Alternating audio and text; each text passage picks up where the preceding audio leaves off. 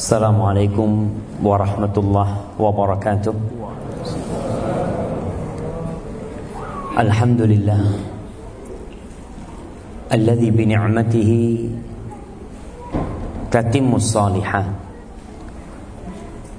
Segala puji bagi Allah Jalla Jalaluh yang karena nikmatnya kebaikan-kebaikan menjadi sempurna yang karena rahmatnya niat-niat baik hamba dapat terlaksana. Semua cita-cita yang tercapai semua kesuksesan yang diraih sejatinya itu karunia Allah untuk kita. Bukan karena usaha. Jangan sampai seorang muslim seperti Qarun ketika dia mencapai kesuksesan yang begitu menakjubkan uang yang dia miliki jangan ditanya kuncinya aja dipikul kunci gudang-gudang kekayaan dia Ketika dia ditanya, kau kok bisa sukses seperti ini? Apa kata Qarun? Innama utituhu ala ilmin indi. Aku ini bisa kayak gini karena aku punya ilmu tadi. Karena usahaku, subhanallah. Kita lihat orang yang berilmu banyak. Usaha bisa sama, tapi rezeki nggak bisa sama. Karena Allah yang berbagi rezeki itu. Maka sekali lagi, segala puji bagi Allah Jalla Jalaluh yang karena nikmatnya kebaikan-kebaikan itu menjadi sempurna. Allahumma salli wa sallim وزد وبارك وعنعم على سيدنا ومولانا محمد وعلى آله وأصحابه أجمعين Ya Allah Semoga salawatmu Salam Berkah dan nikmatmu senantiasa Kau tambahkan untuk hamba kekasihmu Untuk baginda Nabi kita Muhammad Sallallahu alaihi wasallam Dan untuk keluarga beliau untuk istri-istri beliau, untuk putra-putri beliau, untuk anak cucu beliau dan untuk seluruh sahabat Nabi. Yang terutama untuk Abu Bakar As-Siddiq, untuk Umar bin Khattab, untuk Uthman bin Affan dan untuk Ali bin Abi Talib radhiyallahu taala anhum ajma'in. Amma ba'd yang saya hormati Bapak Boy, Anda nggak tahu nama lengkap beliau. Jadi Taunya tadi Bapak Boy gitu kan. Masya Allah. Karena Ustaz Syukron juga nyebutnya Bapak Boy juga. Siapa nama lengkapnya Ustaz? Kayaknya beliau juga nggak tahu juga takut. Nah, Bapak Boy Darmawan ya perwakilan dari KBRI beliau sebagai ya sebagai bapak orang Indonesia yang ada di di Qatar ini. Dan yang saya hormati Ustaz Syukron Habibi. Yang kayaknya hidup anak tiap hari itu bersama beliau. Selalu kita mengucapkan syukron syukron. Jadi beliau selalu hadir dalam kehidupan kita jemaah. Apalagi plus Habibi yang artinya kekasihku Masya Allah. Tapi ini sangat pas sekali dengan tema kita malam ini. Cuma Ana jarang ngisi kajian selesai Isya. Kajiannya memang biasa di sini Ba'dal Isya. Iya. Masya Allah. Karena kalau di Indonesia Ba'dal Isya udah pada ngantuk semua pada tidur. Tapi kalau Anda lihat mungkin di Arab ya, bawaannya memang di negeri Arab ini habis Isya itu seger-seger semua. Insya Allah nggak ada yang tidur malam ini. Kita sampai jam berapa Ustaz? Wallah jelas sampai capek insyaallah jamaah. Tema kita pada malam yang indah ini Malam ini tanggal berapa jamaah? Tanggal berapa? 23, 24? Hah? 24 Iya 24 Rabiul Athani 1438 Hijriah kalau kita bicara cinta, di antara bukti cinta itu antum kenal dengan kalender Hijriah. Kalau antum membaca sejarah Islam, walaupun sekarang sudah mulai ada penulis yang merubah kalender itu. Ketika mereka berbicara tentang perang Uhud, tahun berapa terjadi perang Uhud? Jemaah, tahun berapa? Tahun berapa? Tiga Hijriah. Tapi di sebagian di Wikipedia kalau kita lihat, sebagian itu kalendernya sudah Masehi. Jadi mereka bikin Masehi, subhanallah. Nah, muslimi. Kita orang-orang Islam. Semua umat itu memiliki kalender. Semua umat. Kalau antum lihat orang India, dia punya kalender sendiri. Antum lihat orang Yunani, dia punya kalender sendiri. Orang Yahudi punya kalender sendiri. Orang Nasrani Masehi mereka pakai. Orang Cina Imlek ya, dia punya. Dan kita umat Islam Hijriah. Siapa yang jamnya kalendernya Hijriah? Insya Allah. Pakai apa? Al-Fajr. Nah, jamnya sudah Islami Al-Fajr gitu kan. Ada Al-Asr, Al-Fajr, Al-Maghrib. Mungkin. Tapi alhamdulillah jemaah, paling tidak itu bukti cinta kita kepada agama kita. Kita itu bangga memiliki kalender Hijriah. Jangan sampai luntur peradaban kita di tengah-tengah hiruk pikuk. Ya, ada orang yang menafikan adanya as-sira bainal hadarat adanya peperangan, pergulatan antara peradaban sebenarnya nggak ada kata dia. Ada. Setiap peradaban itu berusaha untuk mempengaruhi peradaban yang lain. Sehingga ada peradaban-peradaban yang mengekor kepada peradaban yang menguasa, yang menguasai. Seperti sekarang ketika yang berkuasa adalah Amerika mungkin ya, seperti itu orang berkiblat ke sana. Mereka beranggapan semua yang dari sana adalah baik buat kita. Yang baik-baik, yang buruk-buruk sebenarnya. Berkaitan dengan cinta. Allah tidak menginginkan hubungan dia dengan hambanya dibangun di atas keterpaksaan. Karena keterpaksaan itu landasannya adalah kebencian. Kita nggak suka. Bapak-bapak, ibu-ibu yang berangkat ke Qatar ini dalam kondisi dipaksa, susah hidupnya. Tapi yang berangkat meninggalkan negerinya dengan segala cinta dan kasih sayang, puluhan tahun betah di Qatar. Nggak kepingin pulang.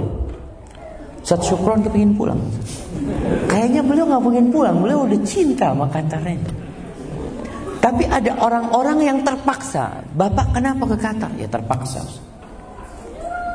Anak kalau ada kerjaan lebih enak di Indonesia, anak tinggalkan Qatar. Dia hanya menanti waktu yang pas dia tinggalkan Qatar. Karena dia nggak suka tinggal di sini.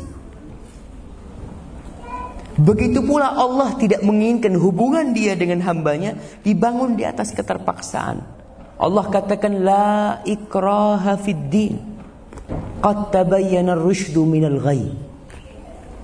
Tidak ada pemaksaan dalam beragama, nggak ada. Antum mau masuk Islam, fadal. Mau kafir, Allah nggak butuh sama antum. Tapi yang Allah inginkan engkau itu masuk Islam dengan segala keridhaan. Sehingga kita tahu doa yang seharusnya dibaca oleh setiap muslim di pagi dan sore hari. Raditu billahi rabbah wabil islami dina wabi Muhammadin sallallahu alaihi wasallam nabiyya wa rasulah. Raditu billahi rabba. Aku ridha Allah sebagai Rabb.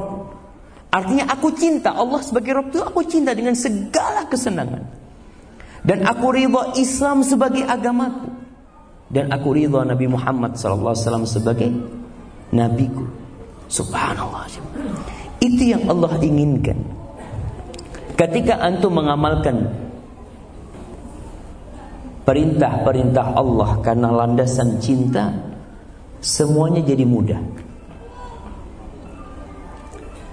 Walaupun sampai hari ini kita lihat ada orang Islam yang tidak nyaman jadi orang Islam. Merasa berat. Dengar azan, aduh, sholat lagi. Pulang dari masjid, baru berapa lama azan lagi. Berat. Ramadan kewajiban puasa ngelihat orang-orang pada makan kita sendiri puasa ada orang Islam yang seperti itu namun tidak sedikit orang Islam yang sudah mencintai agama Allah artinya dia melaksanakan perintah-perintah Allah tanpa beban karena udah seneng bahkan kalau kita lihat orang kalau sudah cinta sama pekerjaannya kalau hari itu dia nggak berangkat kerja nggak enak dia biasa dia jam 7 berangkat kerja Lalu satu hari dia sakit, nggak berangkat kerja. Ditanya, bapak lebih suka di rumah, apa lebih suka ke tempat kerja? Ya lebih suka ke tempat kerja. Cuma gimana tubuh anak sakit. Sampai tingkatan sudah cinta dengan ibadah itu, bahkan menikmati. Rasulullah Sallallahu Alaihi Wasallam sering kali mengatakan kepada Bilal bin Rabah, "Qum ya Bilal, fa'arihna bis salah." Bilal kau bangun Bilal. Bikin kita ini istirahat dengan sholat. Bukan istirahat dari sholat. Tapi sholat itu sebagai tempat istirahat. Artinya ketika beliau alaihissalatu wassalam melaksanakan ibadah sholat yang ada kedamaian. Yang ada ketentraman, kenikmatan. Sedangkan kebanyakan umat Islam ingin beristirahat dari sholat. Wallahu a'lam di Qatar ini, ketika anak di Saudi itu orang senang kalau dengar azan. Senangnya itu bukan karena sholat, karena istirahat nggak kerja. Kata Alhamdulillah, Alhamdulillah. Jadi nggak ke masjid dia. Dia senang dengar azan itu karena toko harus tutup, Makanya sebagian orang itu di sini azan tutup. Toko oh enggak. Di Saudi itu azan toko tutup, tapi orangnya di dalam.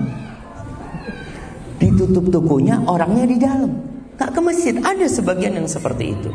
Jadi kecintaannya bukan dengan ibadah, tapi karena istirahat dari pekerjaan dia sendiri. Ma'asyul ikhwah rahimakumullah, tanamkan di diri kita bahwa Allah tidak butuh dengan ibadah kita. Allah tidak perlu kita ke masjid. Allah nggak perlu antum jadi orang Islam. Allah nggak butuh ibu-ibu pakai kerudung, nggak butuh. Allah mengatakan faman syaa falyu'min wa man syaa falyakfur. Yang mau beriman, mangga. Yang mau kafir silahkan kata Allah. Dan Allah tekankan hal ini supaya kita beribadah itu dengan segala kerelaan. Allah mengatakan ya ibadi wahai hamba-hambaku lau anna awwalakum wa akhirakum wa insakum wa jinnakum kanu ala atqa qalbi rajulin wahidin minkum ma zada dhalika fil mulki syai'a kata Allah andai kata seluruh makhluk Bangsa jin yang pertama sampai bangsa jin yang terakhir. Manusia pertama sejak Nabi Adam sampai manusia yang terakhir. Mereka itu berada di level ketakwaan orang yang hatinya paling bertakwa di antara kalian. Siapa orang yang paling bertakwa? Rasulullah SAW. Andai kata seluruh umat manusia ini hatinya seperti Rasulullah SAW, apa kata Allah? Fi. Itu tidak akan menambah kerajaanku sama sekali kata Allah. Beda kalau kita bekerja di sebuah perusahaan. Keberadaan kita kadangkala sangat diperlukan. Kalau kita resign, kebingungan itu perusahaan. Bahkan ada sebagian manajer-manajer yang pindah ke perusahaan lain, perusahaan ini tutup. Karena memang perusahaan itu butuh tapi kalau Allah nggak butuh semua ibadah antum. Antum kerja, sholat sampai kakinya bengkak, itu tidak akan menambah kerajaan Allah. Antum mau bersedekah sampai habis harta antum, tidak akan menambah kerajaan Allah. Lalu Allah katakan, "Lau anna awwalakum wa akhirakum wa insakum wa jinnakum kanu ala afjari qalbi rajulin wahidin minkum, mana qasa dzalika min mulki syai'an." Kata Allah, andai kata semuanya dari yang awal sampai akhir, bangsa jin dan manusia, mereka berada di atas tingkat kejahatan orang yang hatinya paling jahat. Siapa orang yang hatinya paling jahat? Fir'aun. Semuanya ngaku Tuhan. Seluruh umat manusia yang ngaku Tuhan. Masjid di muka bumi ini tidak ada isinya. Madinah dan Mekah kosong dari orang-orang yang beribadah. Apa kata Allah Subhanahu wa taala? Mana qasadalika min mulki syai' itu tidak akan mengurangi kerajaanku sedikit pun kata Allah. Allah nggak butuh sama ibadah kita aja. Allah tidak perlu antum itu dengarkan kajian ini nggak perlu. Terus untuk apa semuanya? Allah mengatakan innama hiya a'malukum uhsiha lakum. Itu amalan buat kalian. Aku catat untuk kalian kata Faman wajada khairan falyahmadillah wa man wajada ghaira dzalika fala yalumanna illa nafsa. Barang siapa yang mendapatkan kebaikan dalam catatannya hendaklah dia bersyukur sama Allah. Tapi kalau dalam catatan amal dia itu isinya keburukan jangan mencela orang lain. Celalah dirimu sendiri. Allah berikan segalanya kepada kita tapi kita yang tidak mau. Para jamaah yang membuat kita berat beribadah itu karena kecintaan kita kepada Allah kurang. Antum lebih cinta sama pekerjaan antum daripada sama Allah Subhanahu wa taala. Bayangkan Jarak antara Qatar sama Indonesia berapa jauh? 8000 8000 km Mungkin. Antum tinggalkan keluarga. Antum tinggalkan kampung halaman. Antum tinggalkan segala-galanya. Karena antum mendapatkan sesuatu di sini yang tidak didapatkan di negeri antum. Dan antum merasa nyaman. Setahun gak pulang gak masalah Sedangkan kita terhadap ibadah kadang-kadang tidak seperti itu. Rasulullah sallallahu alaihi wasallam mengatakan thalathun Man kana fihinna wajada bihinna halawatul iman. Ada tiga hal yang kalau ini ada di diri kita, kita akan merasakan manisnya keimanan. Merasa nyaman jadi orang Islam senang jadi orang Islam. Tiga hal ini. Kita perlu cek, ada nggak tiga hal ini di diri kita? Yang pertama, ayyakun Allah wa rasuluhu ahabba ilaihi mimma siwahu. Dia harus menjadikan Allah dan Rasulnya lebih dia cintai dari segala-galanya. Lebih dia cintai dari pekerjaan lebih dia cintai daripada istrinya. Lebih dia cintai daripada anaknya. Karena kita lihat sebagian orang tua itu kalau untuk anak siap berbuat apa saja. Tidak sedikit orang tua yang kerja ke luar negeri ditanya, "Bapak, kenapa kerja ke luar negeri?" "Iya, Ustaz, anak-anak saya mau kuliah." Dia tinggalkan negerinya demi anak-anak. Kalau kau ingin merasakan nikmatnya jadi orang Islam, yang pertama itu. Engkau harus jadikan Allah dan Rasulnya lebih dari segala-galanya.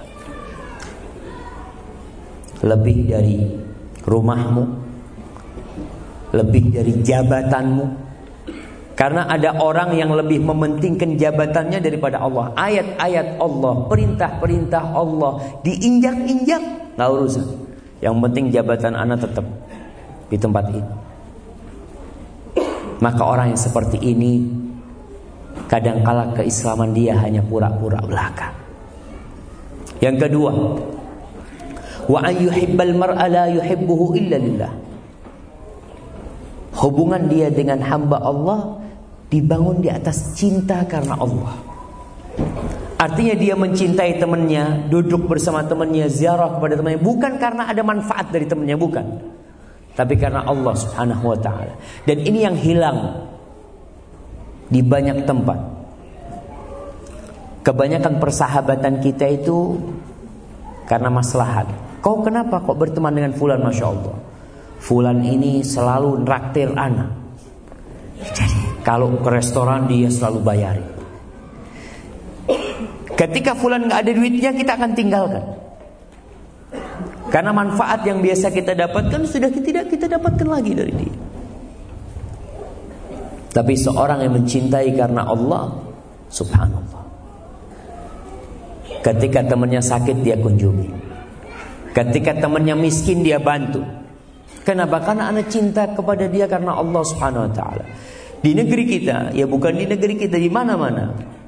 Kebanyakan kecintaan orang-orang, loyalitas mereka itu loyalitas kepada kelompok. Sehingga kalau kita melihat kadangkala ya di Indonesia banyak ormas. Banyak partai. Satu dari partai Golkar, yang satu dari partai Demokrat. Mereka sama-sama muslim tapi nggak suka. Padahal ini yang di Demokrat contohnya nih ahli ibadah. Tapi yang Golkar nggak suka. Kenapa? Karena tidak satu partai. Dia lebih suka dengan orang partai dia walaupun nggak sholat. Dia punya sohib satu partai nggak sholat minum dia suka. Dia cinta. Kenapa? Karena kita satu partai. Dari partai lain sholat, ibadah, Masya Allah dia benci. Maka orang yang seperti ini tidak akan merasakan nikmatnya jadi orang Islam. Yang ketiga, wa ayakraha ya'uda ila al-kufri ba'da an Allah kama yuqdhafa finnar. Dia harus benci. Tetap urusannya amalan hati antara cinta dan kebencian. Dia benci benci untuk murtad. Untuk keluar dari agamanya setelah Allah menyelamatkan dia. Seperti kebencian dia untuk dilemparkan ke dalam api neraka. Para jamaah kalau kita lihat inilah yang menyebabkan Bilal bin Rabah disiksa di padang pasir tapi dia tetap mengatakan ahadun ahad. Ahadun ahad. Ini yang menyebabkan istrinya Fir'aun. Bayangkan. Siapa nama istrinya Fir'aun? Asiyah binti Muzahid. Ketika dia disiksa oleh Fir'aun. Gara-gara keimanan dia. Dia hanya diminta keluar dari Islam. Semua kenikmatan yang pernah kau dapat dibalikin kepada kau. Apa jawab istri Fir'aun? Rabbi ibnili indaka baitan fil jannah. Ya Allah bangunkan bagi hamba di sisimu rumah di surga. Nggak ngurus sama Fir'aun. Nggak ngurus dengan siksaan itu. Dengan cinta jamaah orang siap berkorban. Apa aja nyawanya mau diambil tafadhol mau diambil. Karena dia udah cinta sama Allah Subhanahu wa taala.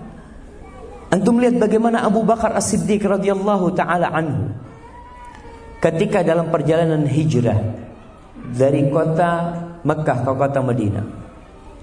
Abu Bakar cerita di tengah jalan kehausan mereka. Akhirnya mereka bernaung di bawah naungan batu besar yang sampai sekarang batu itu dikatakan masih ada. Istirahat di situ. Tahu-tahu ada pengembala yang datang. Pengembala kambing datang ke sana. Ada kambingnya banyak. Abu Bakar mau beli susu itu. Tanya, ada susunya. Kata ada. Boleh aku perah. Tafadhal kau perah. Diperah sama Abu Bakar. Setelah diperah dibawa itu susu untuk diberikan kepada Rasulullah SAW. Padahal Abu Bakar dalam kondisi sama hausnya dengan Rasulullah SAW. Karena mereka sama-sama dalam satu perjalanan. Dan mungkin Abu Bakar lebih haus. Lalu dia berikan kepada Nabi alaihissalatu. Nabi sedang tidur alaihi salatu. Sampai situ Nabi bangun. Maka disuguhkan itu susu diminum sama Rasulullah SAW. Apa kata Abu Bakar? Fashariban Nabi sallallahu alaihi wasallam hatta raditu. Maka Rasulullah sallallahu alaihi wasallam minum sampai aku yang kenyang. Yang minum siapa? Rasulullah SAW. Yang kenyang siapa? Abu Bakar As-Siddiq. Kok bisa itu terjadi? Cinta. Bapak-bapak bisa lihat ibu-ibu ya. Ibu-ibu itu ketika melahirkan Wallahu alam ana baca rasa sakit wanita ketika melahirkan itu seperti tulang yang dipatahkan. Makanya dia jerit, dia jerit terus. Ketika anaknya keluar, kemudian anaknya ditunjukkan kepada ibu itu, apa ibu itu ingat dengan sakitnya? Lupa. Nggak ada rasa sakit itu. Dia tersenyum Kenapa? Karena karena cinta yang membuat itu jadi indah jemaah. Makanya kita nih yang jadi orang Islam yang tidak punya cinta kepada Allah dan Rasulnya maka hidup kita susah. Ketika ada kotak amal berapa yang antum keluarin? Wallahu a'lam. Kalau di sini berapa biasanya? Kalau di sana 2000 itu orang Masya Allah Kalau dia punya uang ratusan ribu nggak ada uang dua ribu nggak jadi nyumbang Kata apa? Nggak ada uang kecil Tapi antum lihat bagaimana Abu Bakar As-Siddiq radhiyallahu taala anhu membawa semua hartanya. Semua hartanya ditaruh dikasihkan ke Rasulullah SAW. Ditanya sama Rasulullah SAW, "Mana tarakta li ahlika ya Abu Bakar?" Yang kau sisakan untuk keluargamu apa? Apa kata Abu Bakar? Khairun min hada. Lebih baik dari ini. Apa yang ditinggalkan? Allah dan Rasulnya. Bukan harta yang lebih banyak, bukan. Tapi Allah itu Rabbul Alamin. Allah itu kalau mau bikin sesuatu tinggal ngomong kun. Jadi. Sudahkah kita cinta jemaah? Maka hari ini kita perlu membuktikan cinta kita kepada Allah Subhanahu wa taala. Dan sebelum kita berbicara tentang bukti cinta,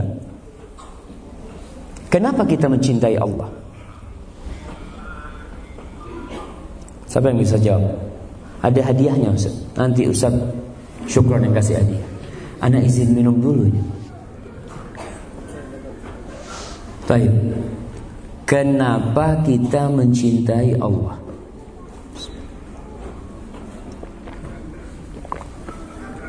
Alhamdulillah. Jamaah, bapak-bapak cinta nggak sama istrinya? Kenapa cinta sama istrinya? Mana yang menjawab? Angkat tangan jamaah. Memang kita kalau di aula gini jauh jaraknya. Ya. Biasanya kalau di masjid kita bisa tunjuk langsung. Dan jemaah fadl. Masa ada yang mau jawab? Fadl, fadl, nah. Apa pertanyaannya? Masya Allah. Jadi akhirnya ustadznya yang ditanyain jemaah. Pertanyaannya, antum cinta nggak sama istri antum? Cinta. Belum, anak nanti itu. Sekarang anak tanya, antum cinta nggak sama istri antum? Cinta. Kenapa? Karena itu istri antum. Walaupun istri antum kurang ajar sama antum. Ada orang istrinya kurang ajar, istrinya nakal, dia cinta. Kayaknya enggak antum. Walaupun istri antum tapi istri antum biasa keluar malam, pulang subuh, antum cinta sama dia. Kayaknya antum pulangin dia ke rumah. Jadi kenapa antum cinta sama istri antum? Karena Allah memilihkan dia buat antum, walaupun dia nggak benar. Kan ada orang punya istri nggak benar, ada, ada istri yang selingkuh, antum cinta. Allah ya hafal antum nggak akan cinta. Jadi kenapa antum cinta sama istri antum? Ini sebenarnya antum kalau bisa jawab sama dengan jawaban kenapa kita cinta kepada Allah Subhanahu Wa Taala. Kita cinta sama Allah itu karena dua hal. Yang pertama karena Allah itu indah. Yang kedua karena Allah itu baik sama kita. Kita pun cinta sama istri kita karena dia cantik dan karena dia baik. Kalau cantik nggak baik, kita juga nggak suka. Kalau baik nggak cantik, ya kadang kala ngelirik yang lainnya gitu kan. Nah, Allah Subhanahu wa taala jamil. Allah itu indah jemaah. Lebih indah dari segala keindahan yang pernah kita lihat dalam kehidupan ini.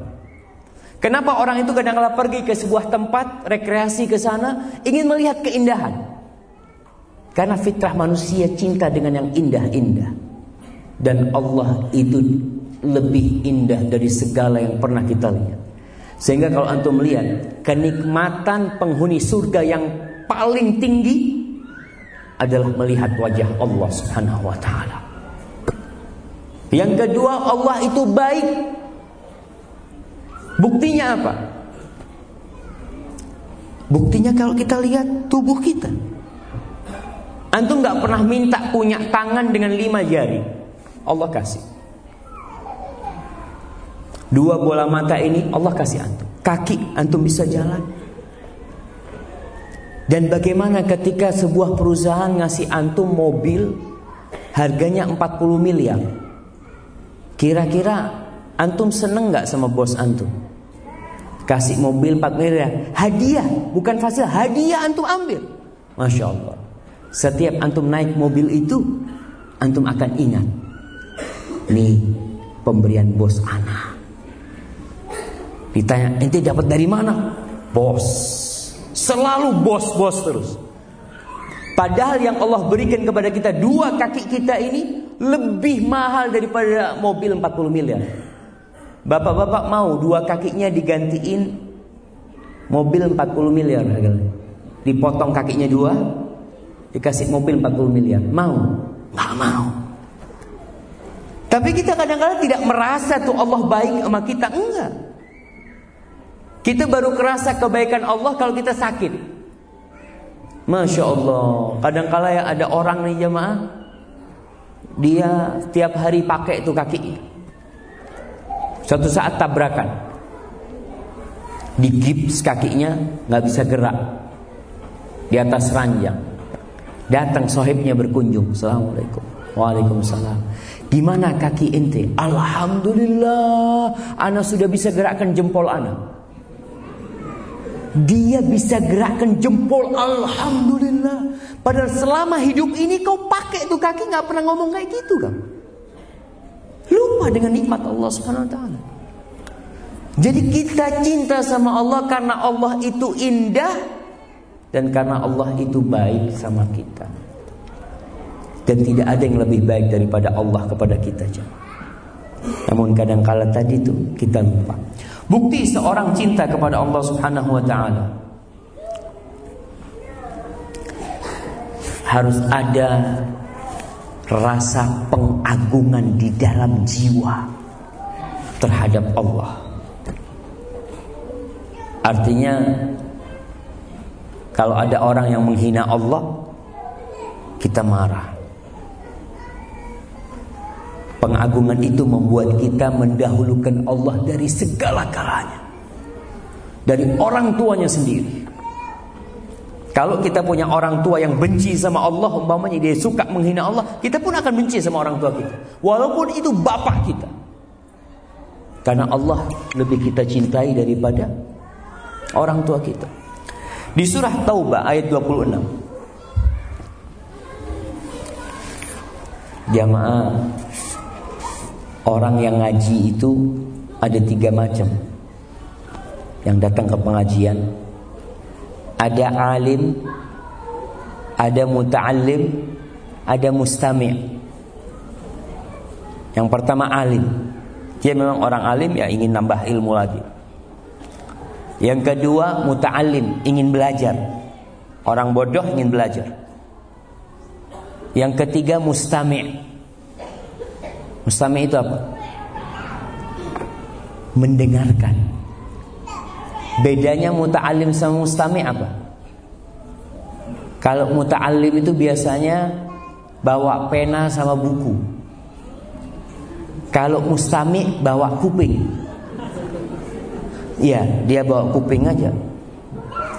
Oh ya. Oh ya.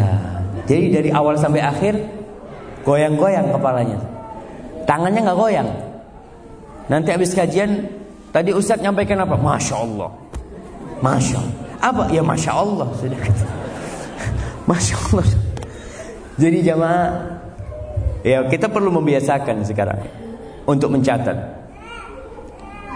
Karena ayat yang pertama turun itu Iqra. Baca. Bukan dengarkan Tapi baca. Dengan kita Ya dengarkan Ustaz. Catat berarti kita baca nih. Di surat Taubah ayat berapa? Ayat 26 Allah mengatakan Qul. Jadi sering kali kita mendapati dalam Al-Quran Karim itu Qul Bukan cuma qul huwallahu ahad, qul a'udzu rabbil falaq, qul a'udzu rabbin nas. Banyak sekali qul itu. Di antaranya di Taubah ayat 26. Qul katakan Muhammad kepada orang-orang ini.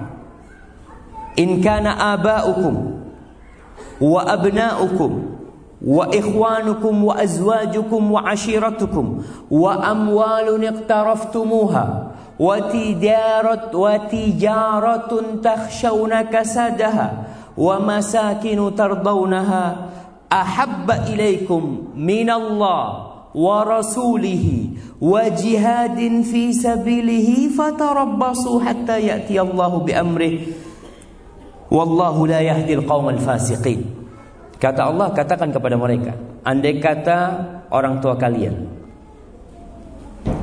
anak-anak kalian, saudara-saudara kalian, dan istri-istri kalian, pasangan hidup kalian, suku-suku kalian, kabilah-kabilah kalian. Kemudian harta yang kalian kumpulkan, perdagangan yang kalian bangun, rumah yang kalian dirikan, itu lebih kalian cintai daripada Allah dan Rasulnya dan jihad di jalan Allah maka tunggu aja. Tunggu saatnya azab Allah itu tiba. Ini yang disebutkan ada kecintaan manusia. Orang secara fitrah cinta kepada orang tuanya. Cinta kepada anaknya. Allah hati-hati jemaah. Ada orang tua yang cinta buta sama anaknya akhirnya orang tuanya diinjak-injak sama anaknya semua keinginan anaknya dipenuhi. Ini ada seorang ibu dia curhat sama anak kesian dia. Dia punya anak cuma satu, janda. Karena kecintaan dia sama anak satu, anak itu dimanja. Mau ini, mau itu, akhirnya anak itu menjadi pemusik. Berangkat ke luar negeri macam-macam, sholat sudah nggak pernah ini itu. Ibunya yang membiayai semua itu. Akhirnya ibunya cerita, Ustaz, gimana anak? Ya, anak mau sama dia. Ibu berhentikan sudah mendukung dia. Sampai dia kembali kepada agama. Ustaz, kalau anak kasih nasihat dia, dia malah milih murtad. Ustaz. Jadi pilihannya, kalau ibu nggak mau dukung anak, maka anak mau keluar dari Islam. Apa yang harus dilakukan oleh seorang ibu dalam kondisi seperti ini? Maka tinggal lihat. Allah yang lebih dia cintai atau anak? Dia mungkin kehilangan itu anak selama-lamanya tapi tidak kehilangan Allah Jalla Jalla. Karena dia sudah tidak nyaman dengan Islamnya dia. Dia ingin keluar cuma karena ibunya Islam ya dia takut kalau dia keluar dari Islam nggak dibantu sama ibunya. Tapi kalau ibunya mau ngasih duit ya dia keluar dari Islam. Maka Allah katakan, andai kata orang tua kalian, anak-anak kalian, saudara-saudara kalian, istri-istri kalian, subhanallah, sebagian orang korupsi gara-gara istri. Karena permintaan istri. Kenapa bapak korupsi? Istri anak kepingin tas. Berapa harganya tas? Ya nggak mahal sih Ustaz. 999 juta. Jemaah tuh kebayang. Ada tas harganya satu miliar. Ana sampai hidup Allah, sampai mati mungkin nggak pernah ngeliat tas harga segitu. Tapi ada orang yang melakukan tindakan kriminal gara-gara istri. Oh, karena kobilahnya, karena kelompoknya. Kita kadang ngeliat tawuran yang terjadi ya, ma. Tawuran ini. Di Jakarta sering kali terjadi tawuran antar kampung. Padahal tahu saudara dari kampungnya itu yang salah. Tapi dia belain. Dan dia siap mati untuk belain saudara. Daripada dia menyerahkan tuh orang untuk ditangkap umpamanya. Ini terjadi di negeri kita. Padahal dalam Islam unsur akhaka zaliman au mazluman. Kau tolong saudaramu dalam kondisi dia dizalimi atau dalam kondisi dia berbuat zalim membantu orang yang berbuat dolim dengan dihalangi dia supaya nggak berbuat dolim. Itu cinta yang benar. Tapi kadang kala hilang. Harta. Kita kadang kala cinta sama harta kita lebih daripada kecintaan kita kepada Allah Subhanahu wa taala. Rumah kita, perdagangan kita, kita tidak siap ya. Sebagai umat Islam ini merasa di titik aman Artinya secara dunia dia aman. Daripada dia belain agama Allah umpamanya, daripada dia melaksanakan perintah Allah, kehilangan rumahnya, ahsan dia kehilangan Allah daripada kehilangan rumah. Maka kita perlu mengecek apakah kita sudah mencintai Allah. Masya Allah. Datang akhirnya hadiahnya saudara. Bukan jualan kan bukan. Nah.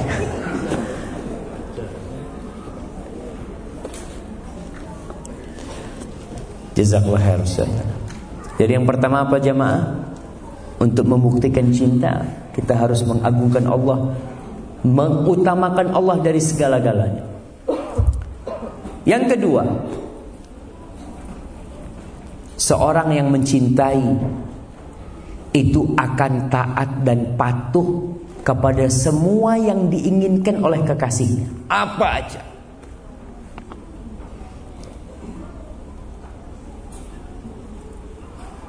pernah kejadian di masanya Nabi Yahya alaihissalam. Nabi Yahya itu kepalanya dipenggal dihadiahkan kepada pelacur Nabi. Kenapa? Karena ini perempuan dia mengatakan aku mau kawin sama engkau asalkan kau datangkan kepalanya Yahya. Didatangkan sama dia karena dia udah cinta mati, cinta buta sama perempuan ini. Apa yang diminta diberikan. Dan itu bukti cinta. Kalau bapak-bapak ngomong sama istrinya, wahai istriku, tidak ada wanita yang lebih aku cintai daripada engkau kata dia. Kata istrinya bohong. Kenapa? Ya kau sering pulang malam.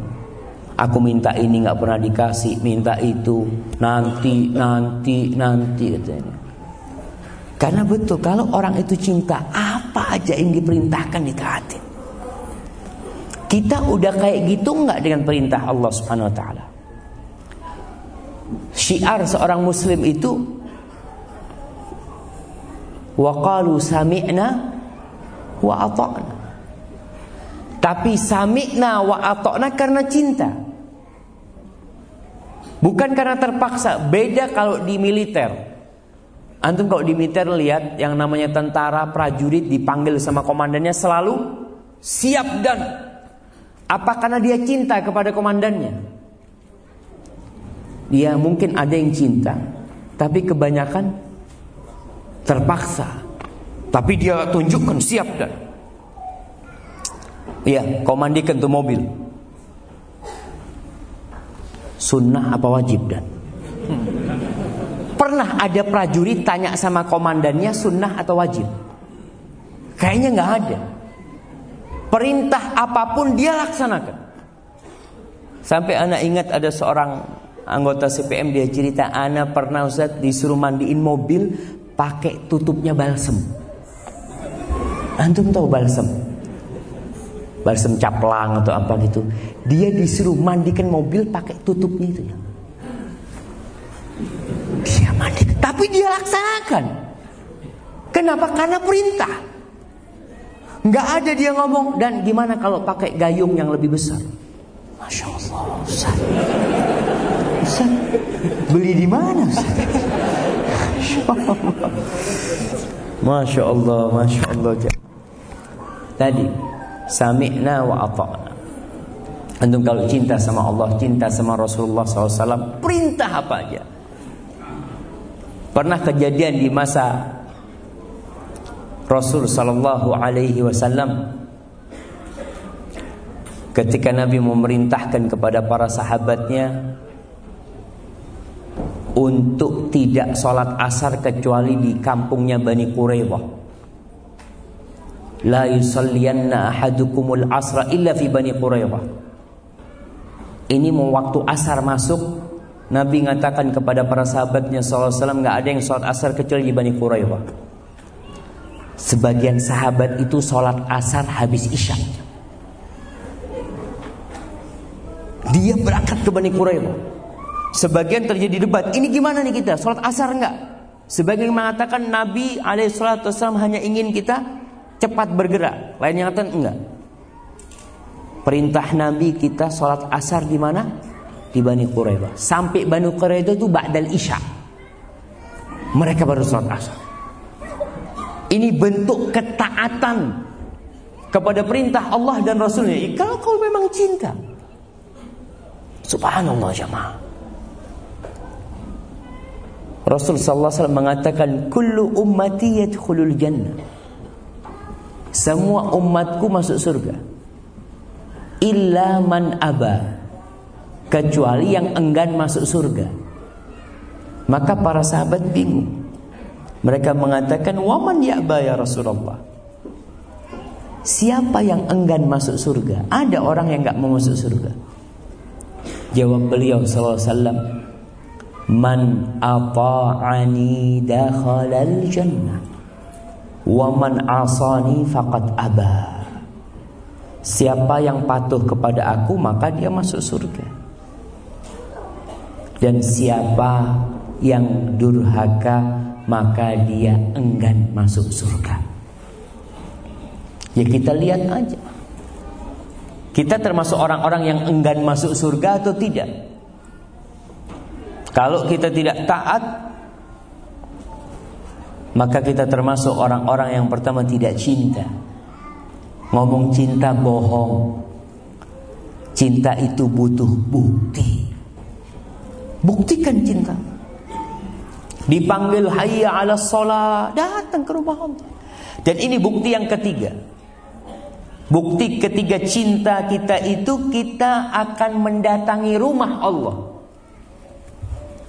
Antum lihat kalau antum cinta sama seseorang antum akan sering datang ke tempat dia. Kadangkala yang punya rumah sampai bosan sama antum.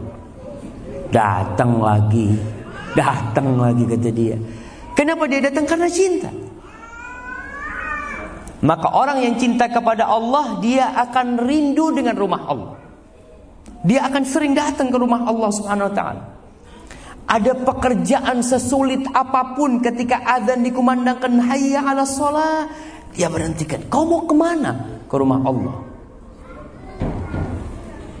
Ingat ada tujuh Golongan yang akan mendapatkan naungan dari Allah subhanahu wa ta'ala Siapa yang mau jawab lengkap? Mana kasih hadiah?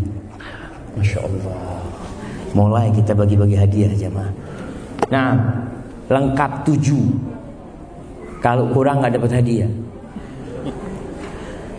Jemaah. Iya. Ada panitia yang bisa jalankan mic? Mungkin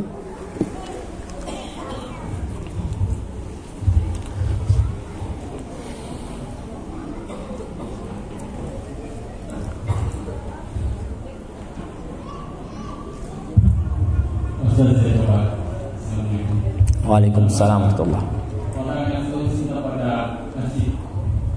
Orang yang eh,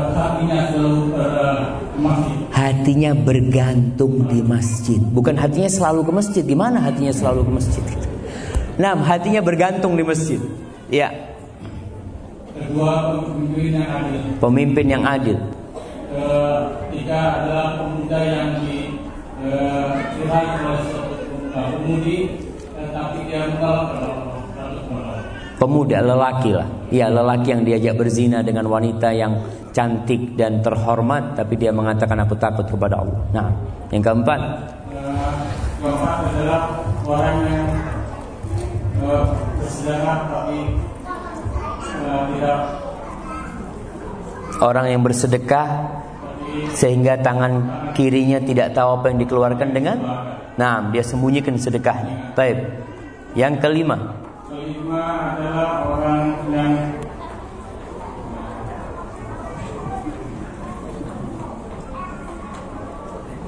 Masya Allah Ustaz, gimana Ustaz? Kita bantuin, kita bantuin ya apa? Yang kelima, dua orang yang saling mencintai karena Allah. Nah, dia berkumpul karena Allah, berpisah karena Allah. Baik. Yang keenam,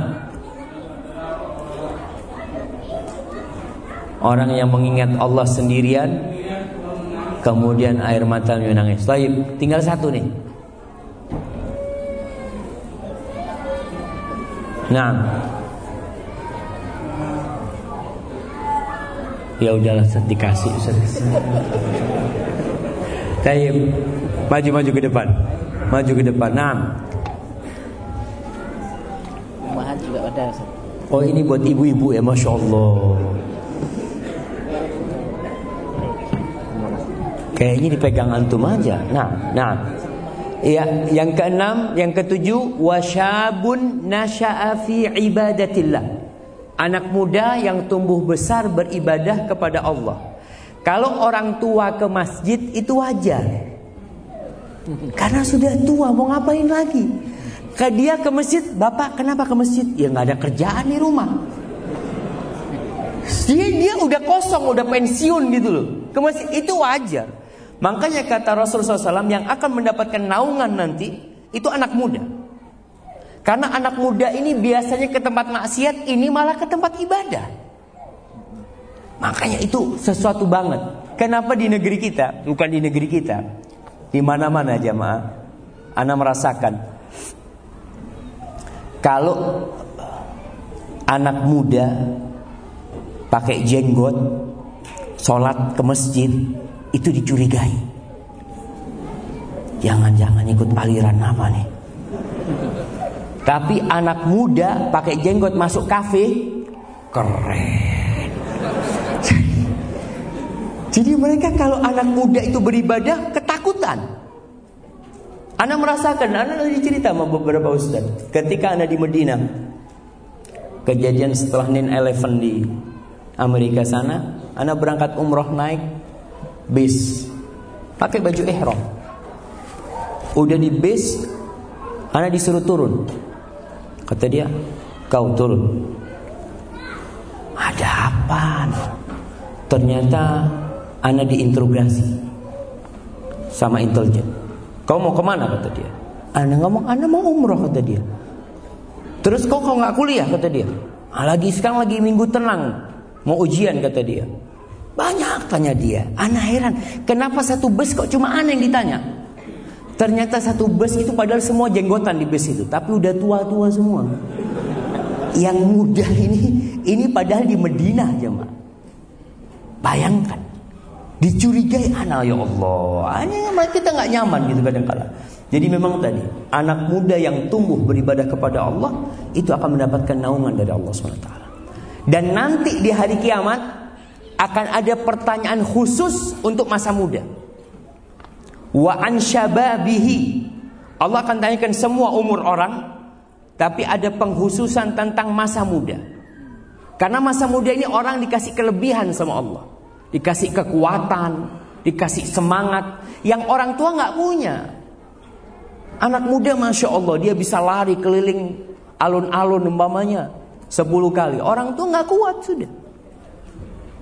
Maka para jamaah di antara tujuh itu salah satunya adalah warajulun qalbuhu muallakun bil masajid. Seorang lelaki yang hatinya bergantung di masjid. Bapak-bapak pernah lihat di masjid ada lampu gantung.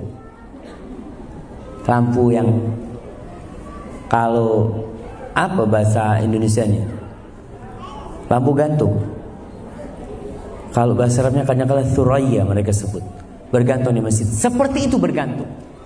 Artinya ke mana pun dia pergi, jantungnya itu ada di masjid. Sehingga tatkala dia momennya masuk check in ke sebuah hotel ya, dia tanya sama resepsionisnya, masjid di mana? Karena dia tahu anak harus ke masjid, jantung anak ada di masjid gitu. Anak nggak akan tenang sampai anak tahu ketika dikasih tahu masjid jauh dari sini, langsung Allah Akbar. Dia nggak nyaman kalau bisa cari hotel yang dekat sama masjid. Tatkala dengar azan atau tatkala dia lewat di jalan melihat masjid, seneng hatinya. Ya Allah, indah banget masjid karena jantung dia ada di situ. Kita lihat kalau kita memang cinta sama Allah, kita akan sering berkunjung ke masjid. Masjid itu baitu kulli taqi. Masjid itu baitullah dan rumah orang yang bertakwa. Makanya kalau kita lihat di masa Rasul sallallahu alaihi wasallam, sahabat itu kadang-kala tidur di masjid. Bahkan Ali bin Abi Thalib menantunya Nabi Alaihissalam pernah ribut sama istrinya, sama Fatimah. Maka ibu-ibu harus tahu bahwasanya rumah tangga itu kayak gitu, keributan itu biasa. Rasulullah SAW datang ke rumahnya Fatimah siang hari, Ali nggak ada. Padahal biasanya tidur siang. Ditanya ini, Aina ibnu ammiki? Mana anak pamanmu? Nggak ditanya mana suamimu. Ditanya mana anak pamanmu. Kata Fatimah, ghadabani anifan falam yaqil indi. Ya tadi dia marah sama aku terus dia nggak tidur siang di sini. Dicari nih sama mertuanya. Ke mana menantuku ini? Dicari, tanya-tanya, ternyata tidur di masjid. Sekarang ditulis nggak boleh tidur masjid. Nah kalau kita lihat sekarang kan dilarang tidur. Kadang-kadang ada masjid yang lebih parah, dilarang rebahan di masjid nggak boleh. Jadi kalau rebahan dibangunin, tuh tulisannya nggak boleh rebahan. Karena kalau rebahan nanti takut tidur gitu. Padahal masjid ini baitu kulli taqi. Masjid itu bukan milik siapa-siapa. Masjid itu milik Allah. Wa annal masajida lillah. Fala tad'u ma'allahi ahada. Sesungguhnya masjid-masjid itu milik Allah. Maka sebagian pendapat ulama kalau ada orang bangun masjid kemudian tidak dia wakafkan enggak. Itu otomatis jadi milik Allah. Otomatis jadi wakaf. Wa annal masajida lillah. Kalau kau bangun masjid itu milik Allah Subhanahu wa taala. Kalau enggak jangan kau bangun masjid. Kalau tidak diperuntukkan untuk Allah Subhanahu wa taala.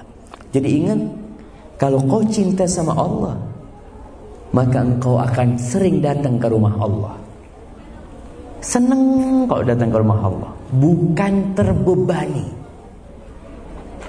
Orang-orang munafikin sholat di masjid enggak? Di masa Rasul SAW Sholat. Abdullah bin Ubay bin Salul itu sholat. Masjid Nabawi, iya Masjid Nabawi. Imamnya Rasulullah SAW Khatibnya Nabi Muhammad SAW Makmumnya sebagian orang-orang munafikin. Tapi mereka itu berat ke masjid. Allah mengatakan Idza qamu ila salati Qamu kusala Yura'unan nas Wala yadhkurun Allah illa qalila Mereka itu ke masjid Tapi malas Kalaupun ke masjid riak ingin dilihat orang, bukan karena Allah. Salat yang paling berat buat orang munafik salat apa? Isya sama subuh. Kenapa? Kenapa salat zuhur kok nggak berat buat orang munafik? Kenapa salat asar kok nggak berat buat orang munafik? Salat maghrib nggak berat. Karena kalau salat isya sama subuh gelap nggak ada yang ngeliat. Dia mau riak sama siapa? Keluar rumahnya dilihat, Gelap semua nggak ada orang kata dia. Kan ke masjid dia. Tapi kalau ada orang dia berangkat ke masjid, bahkan dia tunjukkan. Assalamualaikum. Assalamualaikum. Ke mana bapak? Baitullah. Masya Allah. Karena banyak yang ngeliat. Maka perlu dilihat jamaah. Kalau kita berat ke rumah Allah nih, males gitu ya. Apalagi subuh sama isya. Padahal pahala paling besar untuk sholat berjamaah ke masjid itu subuh sama isya. Man shallal isya'a fil jamaah faka'annama qama nisfal lail. Wa man shallal fajra fil jamaah faka'annama qama al-laila kullah. Barang siapa yang sholat isya berjamaah seakan-akan dia sholat malam setengah malam. Dia lakukan sholat malam. Barang siapa yang sholat subuh berjamaah seakan-akan dia sholat semalam suntuk. Jadi bapak-bapak yang malas sholat tahajud Cukup sholat isya dan subuh berjamaah ke masjid Itu pahalanya seperti sholat semalam suntuk Masih gak mau Itu bukti cinta Dan bukti cinta yang Yang keberapa? Yang keempat Zikrullah. Antum akan senang berzikir. Senang menyebut nama Allah. Dan kita Masya Allah jemaah Kita di dunia ini Kalau lagi cinta sama seseorang Namanya disebut itu Hati langsung bergetar. Jangan namanya disebut. Antum kadangkala ngelihat sandalnya doang Antum cinta sama seorang perempuan Mamanya ngelihat sandalnya lagi ditaruh di depan pintu Masya Allah Masya Allah Hati berkenapa Fulana ada di sini itu hati bergetar. Bagaimana dengan Allah Subhanahu wa taala? Idza dzukirallah wajilat qulubuhum. Hatinya bergetar, takut. Ketika disebut nama Allah. Maka Allah perintahkan kepada kita untuk banyak berzikir. Fadhkurullaha dzikran katsir. Antum ingin membuktikan cinta antum dalam 24 jam antum hitung. Berapa kali antum berzikir? Iya. Kadangkala kita habis sholat hajat kepingin cepat berdiri. Iya Ustaz. Kan nggak harus duduk Ustaz. Kita kan berzikir di jalan. Iya betul. Tapi kadangkala antum di jalan pun tidak berzikir. Maka perlu jamaah kita mengkhususkan waktu berzikir. Rasul SAW berzikir habis sholat duduk tuh Nabi SAW. Belum berzikir. Para sahabatnya berzikir. Itu sebagai bentuk cinta kita kepada Allah Subhanahu wa taala. Dan zikir kepada Allah itu macam-macam. Antum bosan ini ganti yang lainnya. Subhanallah walhamdulillah wala ilaha illallah Allahu akbar. Antum baca asmaullah al-husna Rahmanir Rahim Al-Malik Al-Quddus As-Salam Al-Mu'min. Itu bentuk zikir antum cinta kepada Allah. Dan kata Rasul sallallahu alaihi wasallam dalam sebuah hadis qudsi Allah berfirman, "Fa in dzakarani fi nafsihi dzakartuhu fi nafsi." Kalau hambaku itu mengingatku di dirinya, maka aku akan ingat dia di diriku. Wa in dzakarani fi mala'in dzakartuhu fi mala'in khairin minhu. Kalau dia mengingat aku di depan orang, maka aku akan mengingat dia di depan makhluk yang lebih mulia dari orang-orang itu. Para jamaah Ketika ada seorang sahabat yang datang kepada Rasul sallallahu alaihi wasallam mengatakan ya Rasulullah inna syara'i al-Islam qad kathurat alayya Wahai Rasulullah, nih syariat Islam ini udah banyak, udah berat kalau aku untuk ngamalin semuanya. Tolong kau kasih aku amalan yang aku bisa berkesinambungan mengamalkan. Aku bisa pegang tuh amalan itu. Apa nasihat Nabi alaihi salatu wassalam? la yazalu lisanuka rotban bidzikrillah kau jaga tuh lisanmu tetap basah dengan zikrullah zikir ini amalan yang ringan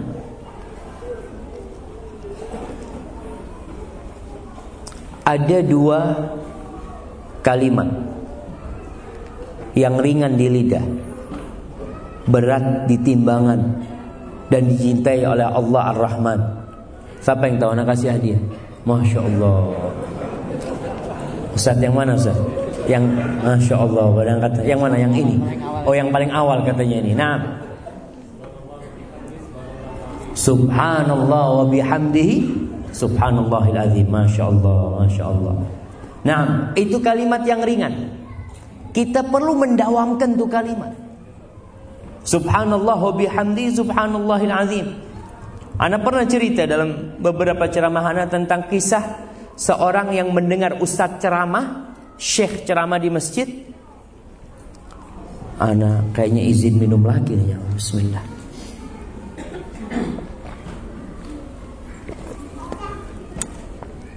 Alhamdulillah. Tuh Syekh lagi ceramah menjelaskan kemuliaan subhanallah bihamdi subhanallahil azim.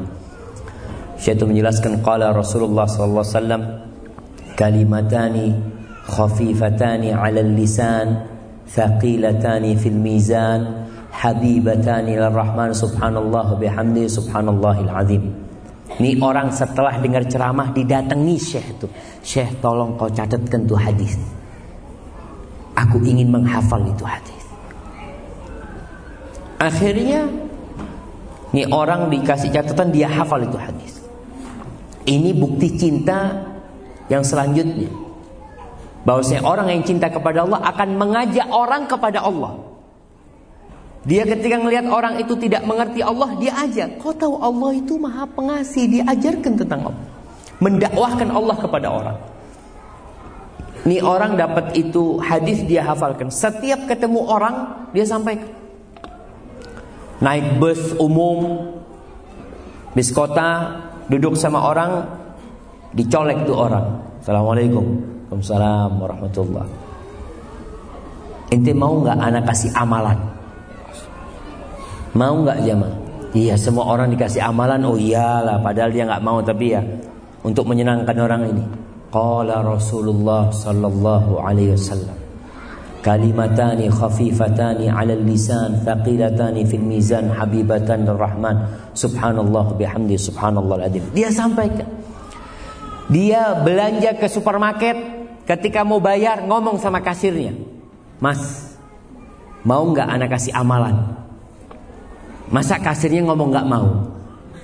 Iya dia gitu kan. Dia sampaikan Qala Rasulullah sallallahu alaihi wasallam. Pokok ketemu orang diajak tuh orang supaya kenal nih dengan subhanallah bihamdi subhanallahil azim. Karena apa? Amalannya ringan. Pahalanya besar. Tapi banyak orang yang tidak mengamalkan. Kita ini nuntut ilmu jamaah, al ilmu laisa lil ilmi, ingat nih. Ilmu itu bukan untuk awasan, bukan. Tapi ilmu itu lil amali. Ilmu itu untuk diterapkan, untuk diamalkan. Ada orang yang masya Allah hafal hadis-hadis keutamaan sholat berjamaah. Dia tahu berangkat ke masjid satu langkah dihapuskan dosa, satu langkah diangkat derajat, satu langkah dapat pahala. Ketika dia duduk di masjid nunggu sholat, malaikat bersolawat kepada dia memintakan ampun. Dia tahu ilmu itu, tapi nggak pernah diamalkan. Cuma wawasan belaka, enggak. Ilmu dalam Islam itu untuk diamalkan, bukan untuk wawasan. Akhirnya orang ini berusaha. Kita udah tahu subhanallah bihamdi subhanallahil azim. Coba tanyakan kepada diri antum. Dalam sehari berapa ratus kali antum baca? Berapa ratus kali? Ada yang seratus kali anak kasih hadiah. Yang hari ini seratus kali anak kasih hadiah coba. Ustaz, nggak boleh ria gitu Ustaz. Terus gimana mau kasih hadiah kalau nggak boleh ria? Ya bukan ria lah. Tapi coba tanyakan, antum hari ini berapa ratus kali antum baca subhanallah bihamdi subhanallah. Ringan jamaah, antum naik mobil kalau jarak antum dari satu kota ke kota yang satu jam antum baca subhanallah bihamdi subhanallah masya Allah. Ini orang mengamalkan itu terus setiap ketemu orang. Sampai diceritakan suatu hari dia sakit. Dia pingsan dibawa ke rumah sakit, dibawa ke ambulan. Turun dari ambulan ditaruh di di apa namanya yang apa itu? Perang berangkang. Di troli yang buat orang sakit itu didorong dia. Udah dokter dibuka dadanya, diperiksa ya. Subhanallah, dia sadar ya. Dalam kondisi dorong. Dia lihat ada dokter. Apa ya Tobi? Mau nggak engkau kasih aku amalan? Qala Rasulullah sallallahu alaihi wasallam Kalimatani khafifatani ala lisan thaqilatani fil mizan habibatan rahman. Subhanallah bihamdi subhanallah azim. Lalu dia meninggal dunia. Tuh orang kalau sudah cinta Allah akan tutup dia dengan apa yang dia cintai. Kita tuh ingin husnul khatimah kan? Maka kau dawamkan sebuah amal kebajikan. Insya Allah ditutup dengan amalan itu kita nantinya Itu bukti cinta kita kepada Allah subhanahu wa ta'ala. Kemudian Orang yang mencintai Allah Itu akan mencintai ucapan Allah subhanahu wa ta'ala. Al-Quranul Karim. Bagaimana hubungan antum dengan Al-Quranul Karim? Kata Uthman bin Affan Dia mengatakan Lau tahurat qulubukum Ma syabi'tu min kalami rabbikum. Kalau hati kalian itu bersih, kalian tidak akan pernah puas membaca Al-Quranul Karim. Gak pernah puas. Artinya bukan bosan baca Quran. Gak ada orang Islam itu bosan baca Quran. Kenapa? Karena ini kalamullah. Subhanallah. Dan Al-Quran ini surat cinta dari Allah kepada manusia. Kita jamaah kalau dapat surat cinta, Anda masih ingat di Saudi itu kadangkala adalah TKW-TKW yang menjalin ya hubungan nggak bener lah sama sebagian orang-orang Bangladesh ya kadang kala di situ itu dilempar surat dari jendela. Ini orang Bangladesh teman kita biasa sholat ke masjid dia. Dia dapat surat cuma bahasa Indonesia. Gimana bacanya? Kata dia. Dia datang ke tempat kita. Tolong kau terjemahkan. Kenapa? Karena dia tahu ini surat dari kekasih dia. Walaupun nggak ngerti artinya, aku ingin tahu apa yang diucapkan kekasihku. Wal Quranul Karim itu risalah dari Allah Subhanahu wa taala kepada hamba-hambanya. Berapa kali kita baca Quranul Karim? Quran Karim itu hudan linnas Dzalikal kitabu la raiba fi hudan lil muttaqin. Dan ingat jemaah ya kita kita umat Islam nih. Umat Islam tidak akan pernah jaya. Tidak akan pernah terhormat kembali kecuali mereka kembali kepada Al-Qur'an. Rasulullah sallallahu alaihi wasallam bersabda innallaha yarfa'u bihadzal kitabi aqwaman wa yadha'u bihi akharin. Sesungguhnya Allah akan mengangkat derajat sebagian umat dengan Al-Qur'anul Karim. Allah angkat derajat mereka dan Allah akan rendahkan mereka dengan Al-Qur'an. Ketika mereka tidak mau membaca Al-Qur'an, tidak mau mengkaji Al-Qur'anul Karim. Maka alhamdulillah di negeri kita kita melihat perubahan yang sangat signifikan terhadap kecintaan orang kepada al Quran Al Karim. Sekarang ini banyak yang namanya rumah tahfid, rumah Quran. Dulu waktu anak kecil nggak ada. Sekarang sudah banyak taman-taman Al-Quranul Karim. Raudatul Quran ya Masya Allah.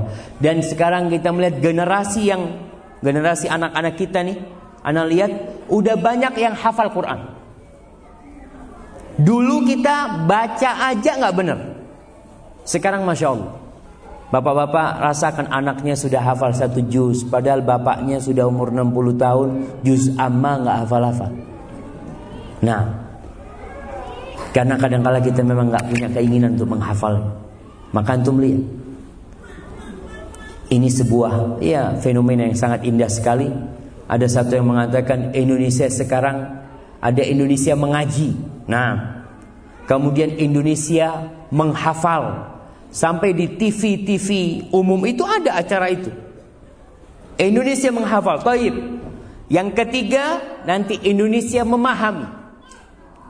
Bukan cuma hafal, tapi bagaimana memahami Al-Qur'anul Karim.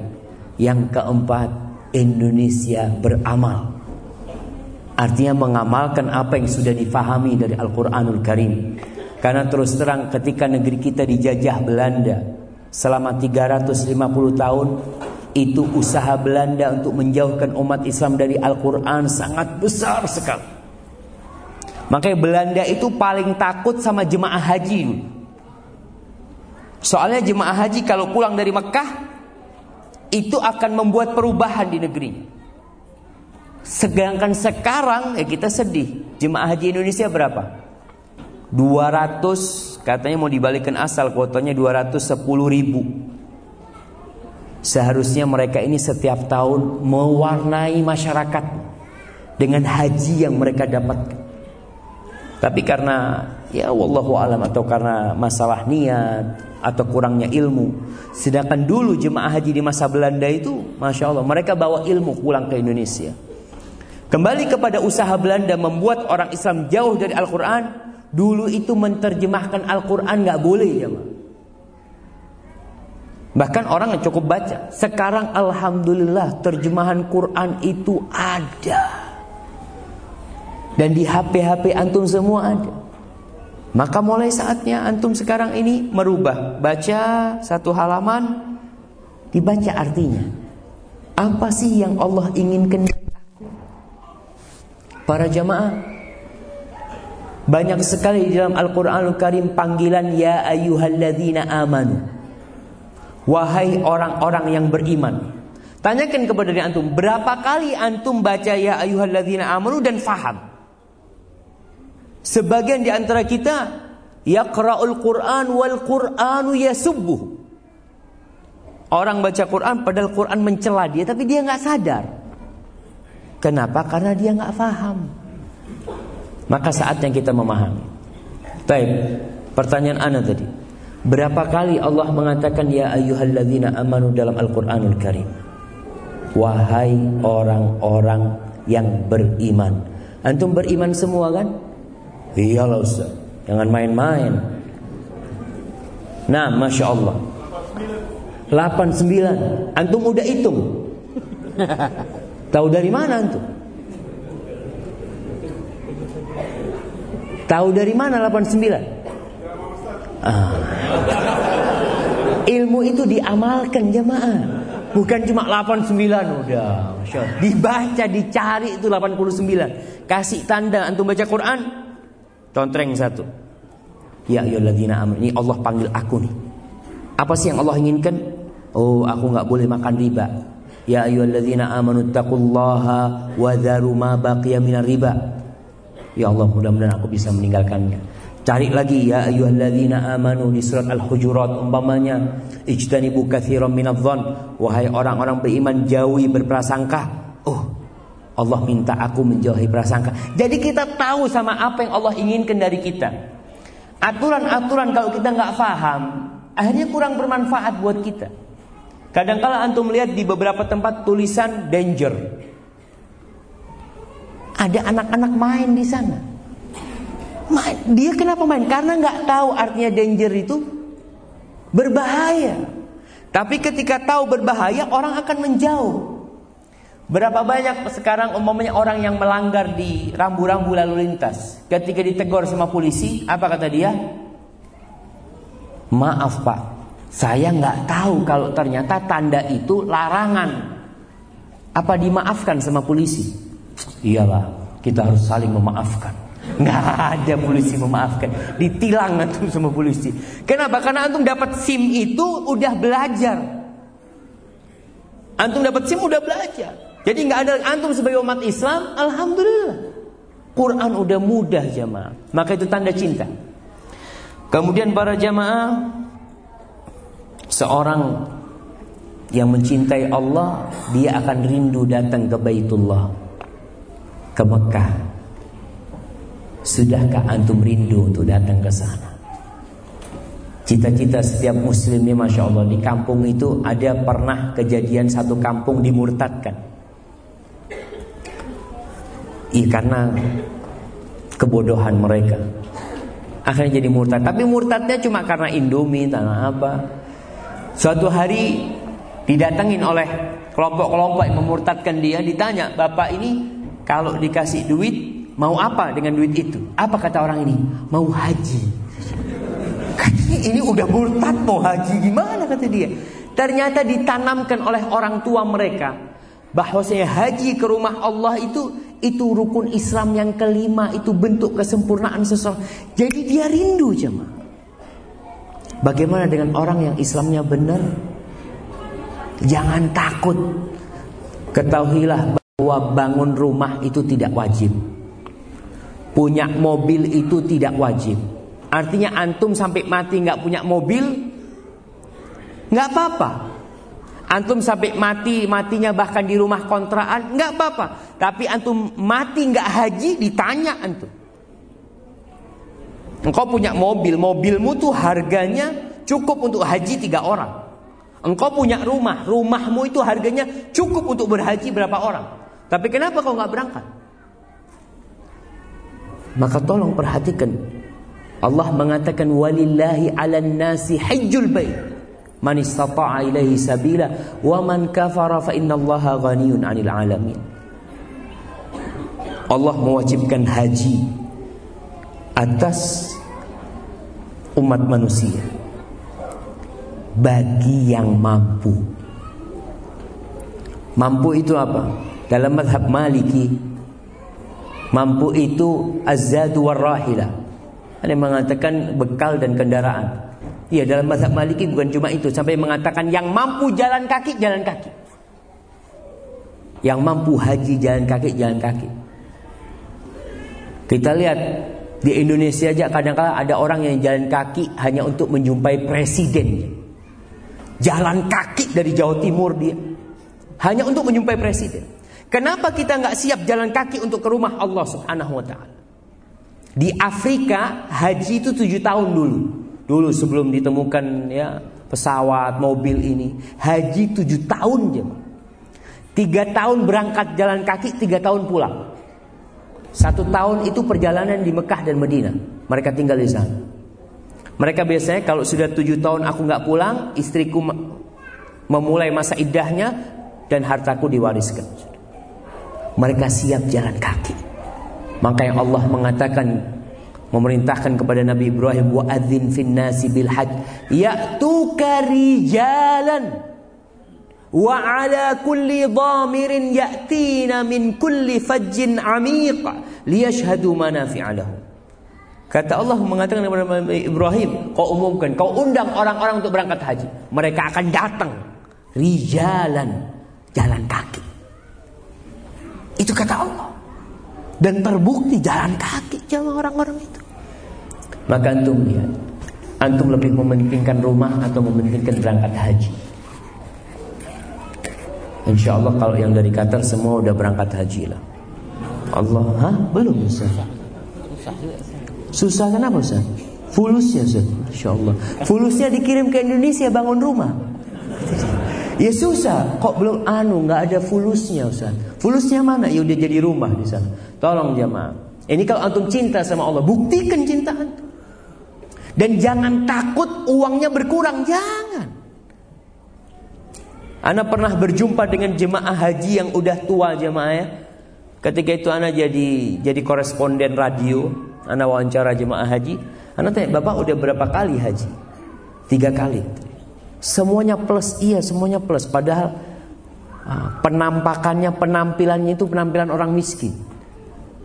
Tapi ternyata dia orang kaya.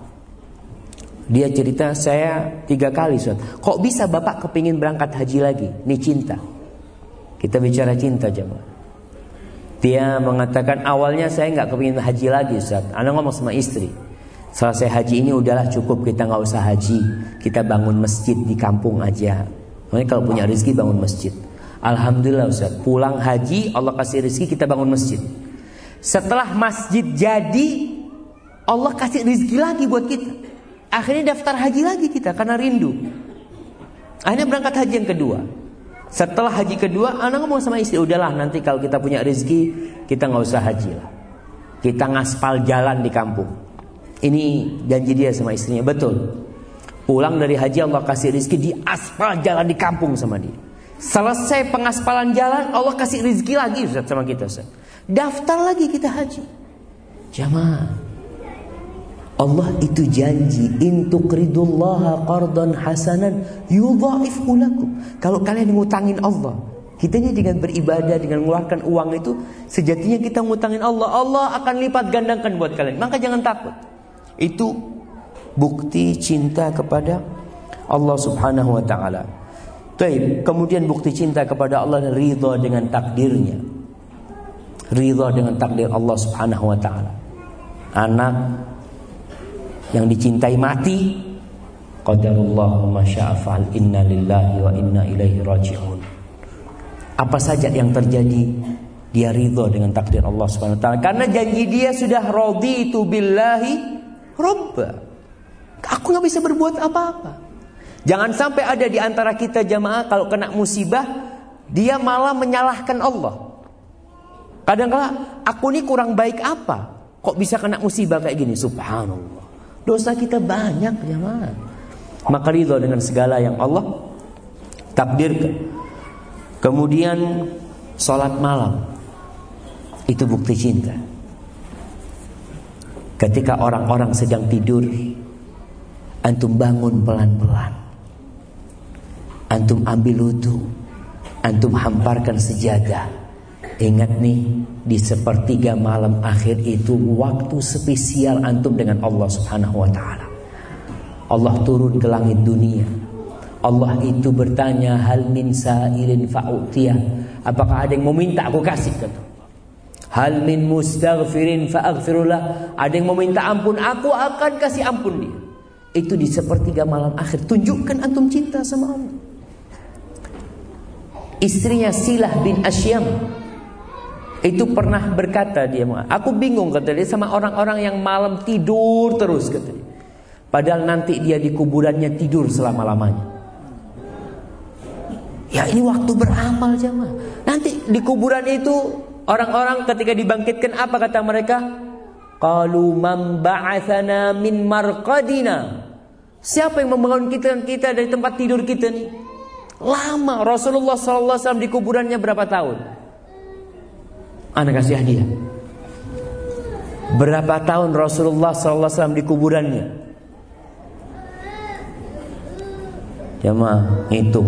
Nah, kita sekarang hitungnya biasa pakai kalkulator, jadi loadingnya lama. Masya Allah. Nah, udah ngitung antum. Berapa? 1427 tahun. Betul. Masya Allah. Fadal, fadal. Nah, Rasulullah SAW meninggal tahun berapa? 11 Hijri. Sekarang 1430 8 kurangi 11 Beliau di kuburannya alaih salatu wassalam 1427 tahun Dan beliau hidup di dunia cuma berapa tahun? 63 Nggak lama jemaah Makanya kenapa kita lihat Rasulullah SAW Kalau malam hari itu bangun sampai bengkak kaki Sampai bengkak kaki Beliau ketika ditegur sama Aisyah radhiyallahu taala anha, "Kenapa sampai seperti ini kau beribadah? Wa qad ghafarallahu laka ma taqaddama min dzambika wa ma ta'akhkhar." Rasul alaihi salatu wasallam, dosamu udah diampuni. Ngapain lagi sampai kayak gini beribadah? Jamaah kalau bapak-bapak umpamanya ibu-ibu Nah, dijamin masuk surga. Artinya diampuni dosanya yang lalu dan akan datang. Kira-kira masih sholat Mikir Aduh ada apa sholat Kan sudah diampuni dosanya tapi Rasulullah SAW mengatakan afala aku abdan syakura. Ya karena itulah apa nggak pantas aku mensyukuri nikmat Allah Subhanahu Wa Taala. Aku sudah diampuni seharusnya aku lebih dekat sama Allah dalam rangka mensyukuri nikmat yang Allah berikan itu ya. Maka ingat bukti cinta itu salah satunya bangun malam. Antum tinggal ke tempat tidur antum walaupun hanya tiga rakaat. Rasulullah SAW kalau habis sholat malam istrinya dibangunkan, dibangunkan Aisyah untuk sholat witir. Aisyah bangun. Itu bukti cinta kepada Allah Subhanahu Wa Taala dan pada hakikatnya masih banyak bukti cinta karena waktunya udah larut tapi anak akan sebutkan di antaranya ingin berjumpa dengan Allah Subhanahu wa taala. Ingin melihat wajah Allah Subhanahu wa taala. Kita ini beriman sama Allah, Allah itu gaib, jemaah. Kita nggak melihat. Tapi kita beriman. Allah menceritakan tentang sifat orang-orang beriman yu'minuna bil ghaib. Dia beriman dengan yang gaib. Dia tahu tanda-tanda Allah ada, dia lihat dan dia yakin. Namun ada kerinduan kapan kiranya dapat melihat Allah Subhanahu wa taala. Oleh karena itu diajarkan sebuah doa oleh Rasulullah sallallahu alaihi wasallam wa as'aluka syauqa ila liqa'ik Ya Allah aku memohon kepadamu kerinduan untuk berjumpa dengan engkau dan untuk melihat Allah Jalla Jalaluh. Baik. Selesai ini jamaah. Tapi ada satu bentuk cinta kepada Allah. Berkaitan kita sebagai orang-orang Indonesia. Kita sebagai masyarakat muslim yang mungkin sekarang bapak-bapak, ibu-ibu ada di negeri orang di tempat sini. Bukti kecintaan kita kepada Allah salah satunya adalah memberikan manfaat kepada orang lain.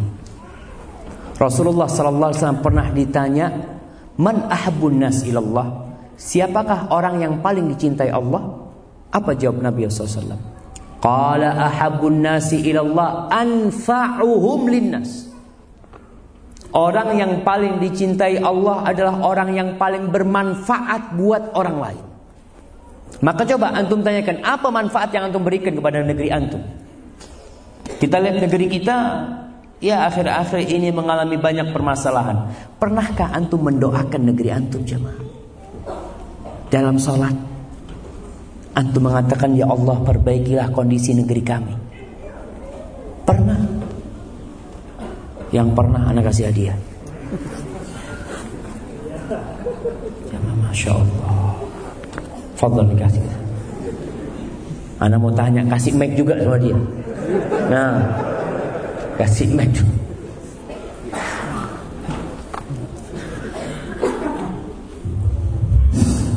Oh bukan dia, mana yang jawab itu? Masya Allah, Masya Allah. Baik, Anda mau tanya nih. Isi doa Bapak kalau boleh tahu apa Pak? Waktu saya di hari 12 Waktu 212. Nah.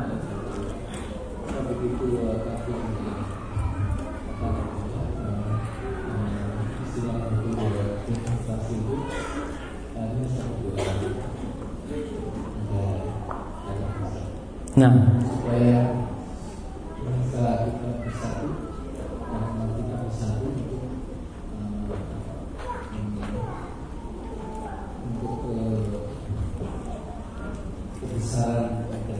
Masya Allah, Masya Allah. Barakallahu fikum. Setelah itu berhenti doanya. Tapi Barakallahu fikum Jazakallah khair. Nah jemaah. Itu itu bentuk Kita dicintai Allah ya. Kita tadi bicara bagaimana bentuk kita Mencintai Allah. Tapi yang terpenting itu bagaimana? Kira-kira Allah cinta nggak sama kita? Orang yang paling dicintai Allah adalah orang yang paling bermanfaat buat orang lain. Maka antum lihat apa yang antum berikan kepada negeri antum. Salah satunya antum yang jauh ini ya wallahu alam ya. Kadangkala banyak orang-orang yang sukses itu nggak mau balik ke negerinya. Ustaz Syukron ini kira-kira mau mati di sini apa mau mati di Iya Ustaz. Wallahu alam itu kan anak ikut takdir Allah. Baik, memang kita lihat ada orang-orang yang nggak kepingin balik ke negeri. Aduh, sudah naudzubillah, ahsan di sini sudah.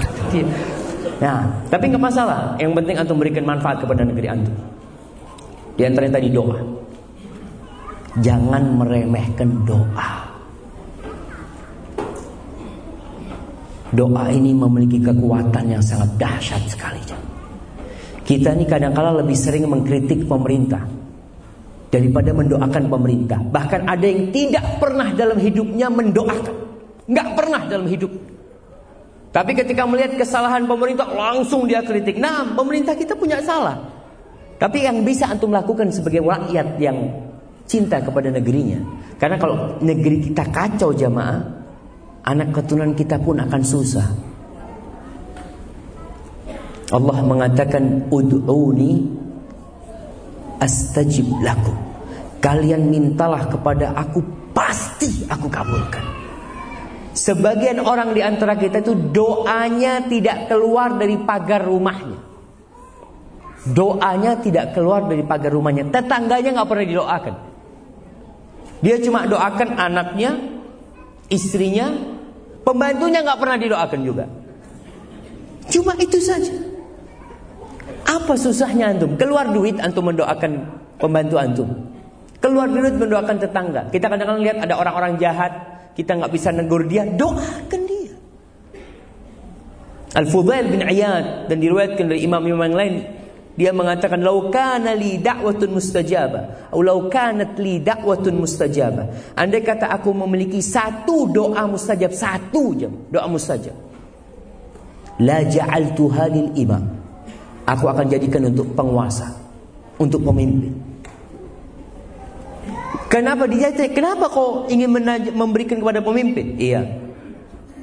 Karena solahu solahul ibad wal bilad. Kalau pemimpinnya soleh, negeri akan makmur dan rakyat akan tentram. Maka dia ingin jadikan buat pemimpin. Antum khususkan doa untuk penguasa-penguasa negeri kita. Khususkan ketika waktu-waktu mustajab, sebutkan nama pemerintah kita, Bapak Jokowi, Sebutkan nama Bapak Yusuf Kala, pemimpin-pemimpin menteri-menterinya. Doakan semoga Allah memberikan petunjuk kepada mereka, memberikan hidayah, taufik kepada mereka sehingga mereka bisa meniti jalan kebenaran itu. Itu mungkin manfaat, bentuk kita cinta jemaah kepada negeri kita. Kalau itu saja kita tidak melakukan terus apa yang kita lakukan? Ma'asyiral ikhwah rahimakumullah. Banyak PR kita. Banyak yang harus kita kerjakan. Tapi ingat, seribu kilometer itu dimulai dengan satu langkah. Kalau antum sudah melangkah mendoakan negeri, insya Allah yang lainnya jalan. Tapi kalau itu antum tidak melangkah, ya sudah. Seribu kilometer tidak akan pernah antum capai. Kita banyak menginginkan perbaikan-perbaikan buat negeri kita. Kepingin seperti ini, kepingin seperti itu. Doa. Hada wallahu a'lam bishawab. Itu mungkin yang Anda bisa sampaikan Maka Anda akan kasih pertanyaan buat ibu-ibu Hadiahnya apa Ustaz? Philips InsyaAllah Pertanyaan buat ibu-ibu Sebutkan bukti cinta ibu-ibu kepada Allah Nah, mana yang mau jawab Ustaz? Kayaknya yang mana yang angkat tangan sebelah kanan dulu tadi? Nggak ada mic ibu-ibu.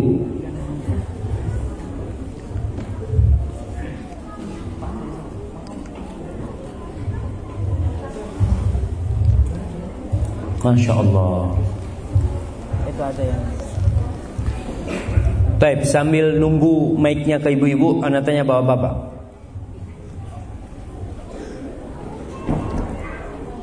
Apa pertanyaannya kira-kira Ustaz?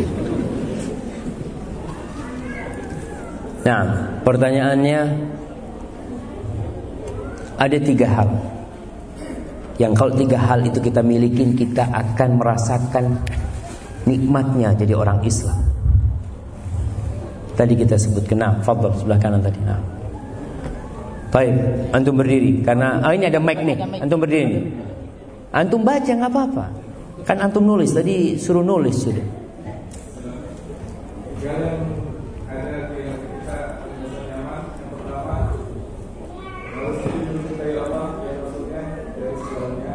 Nah.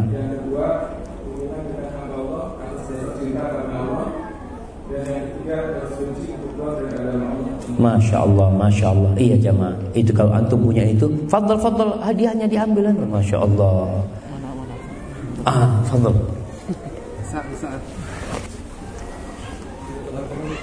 Barakallahu fikum. Taib, ibu-ibu udah dapat mic?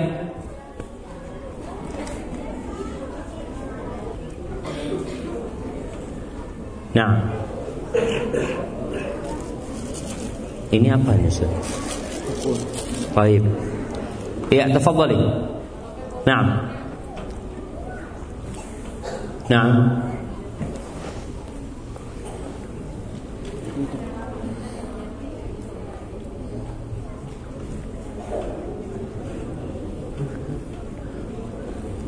Publicitar dan para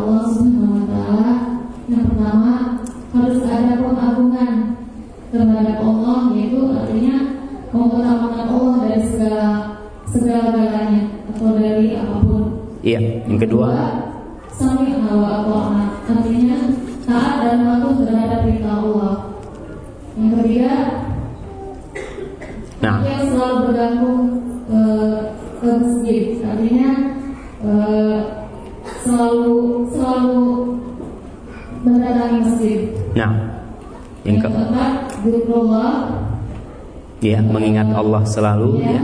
Yang di situ ada amalan yang ringan di, lisan tapi berat dalam mizan yang di antara nanti yaitu subhanallah wa bihamdi subhanallah azim. Iya.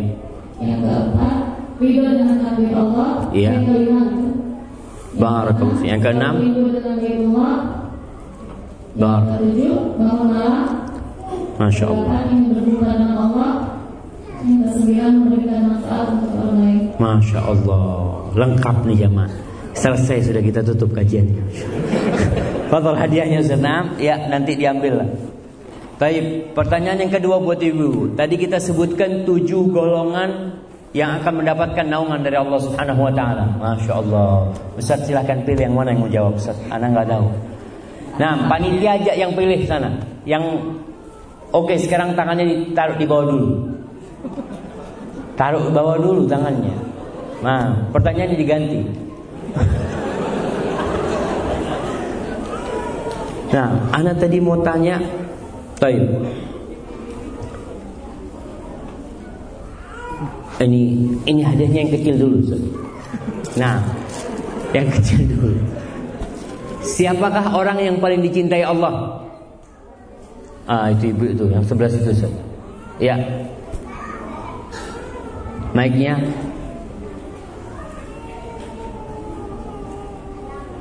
Assalamualaikum Pak Ustaz. Waalaikumsalam warahmatullahi Masya Allah. Masya Allah. Jadi gak enak hadiahnya kecil Ustaz. Anak harus tambahin ini Ustaz. Sesuai dengan ceramah Ustaz tadi, orang yang paling dicintai oleh Allah adalah orang yang paling bermanfaat untuk orang lain. Masya Allah. Anak tambahin hadiahnya satu Ustaz. Karena gak enak Ustaz. Masya Allah. Saya barakallahu fikum satu-satu sama bapak nanti Saya pertanyaan yang kembali ke pertanyaan Ustaz Antum lihat yang paling cepat Antum? Nah Panitianya yang paling cepat dikasih. Sebutkan tujuh golongan yang dapat naungan dari Allah. Panitianya mana? Lihat tuh panitia yang mana paling duluan.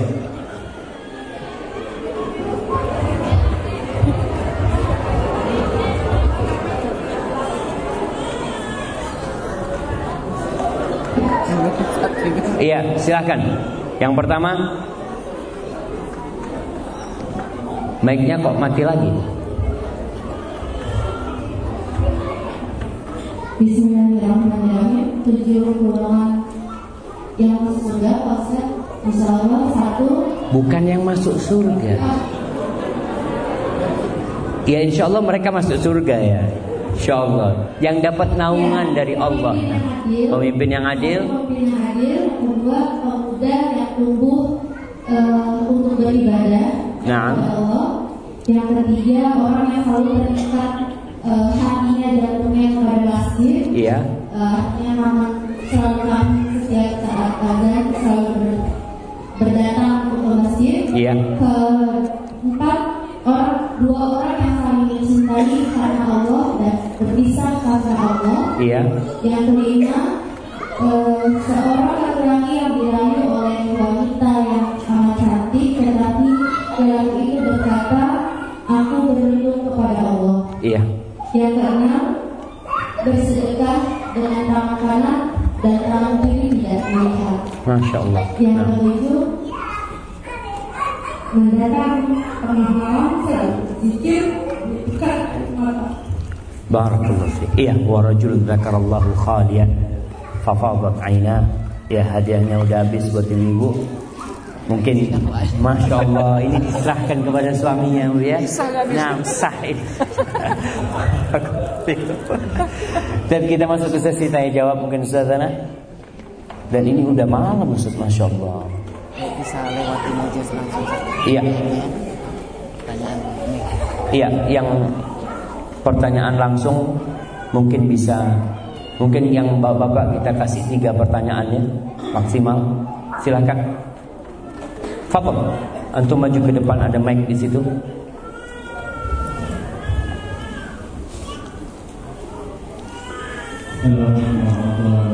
Waalaikumsalam warahmatullahi wabarakatuh.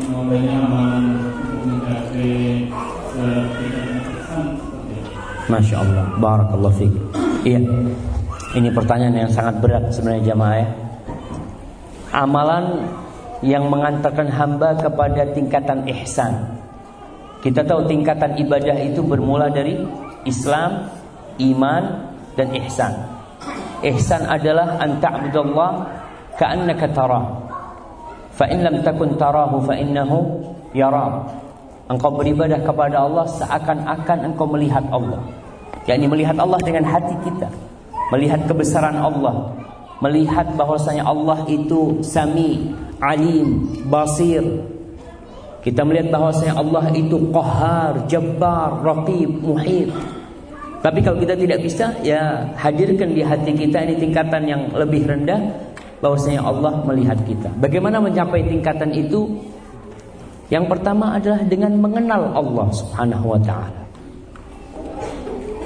Mengenal Allah itu lewat dua. Lewat ayat-ayat Allah Al-Matluwah yaitu Quranul Karim. Yang kedua lewat ayat-ayat ciptaan Allah Subhanahu wa taala. Maka kenalilah Allah baca Al-Quranul Karim. Kenalilah Allah lewat Asmaul Husna.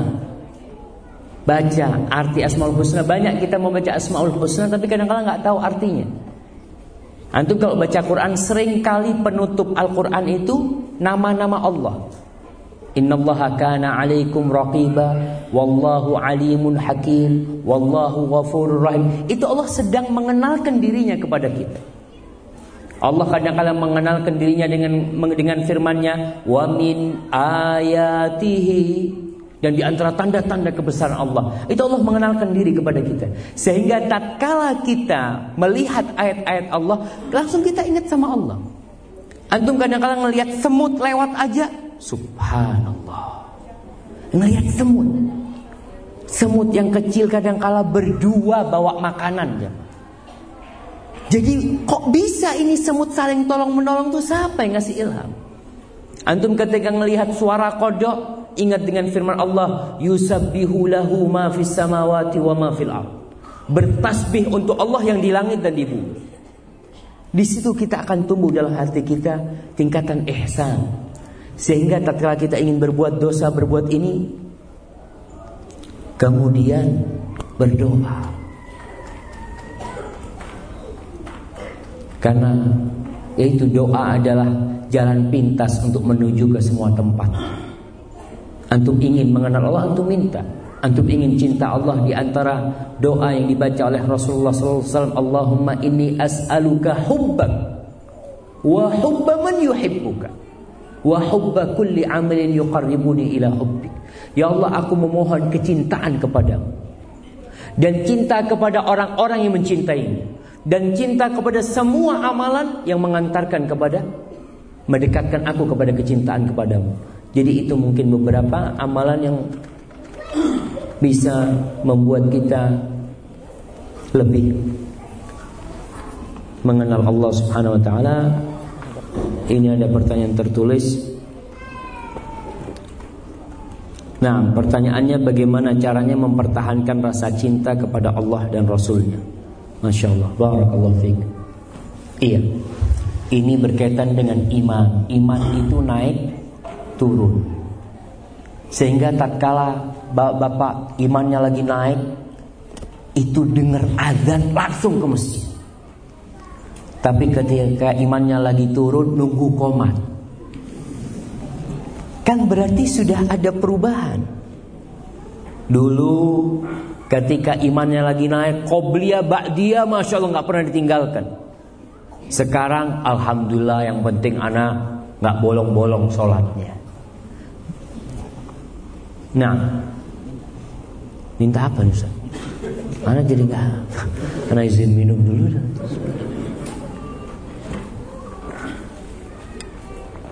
Alhamdulillah. Bagaimana mempertahankan rasa cinta kepada Allah dan Rasulnya?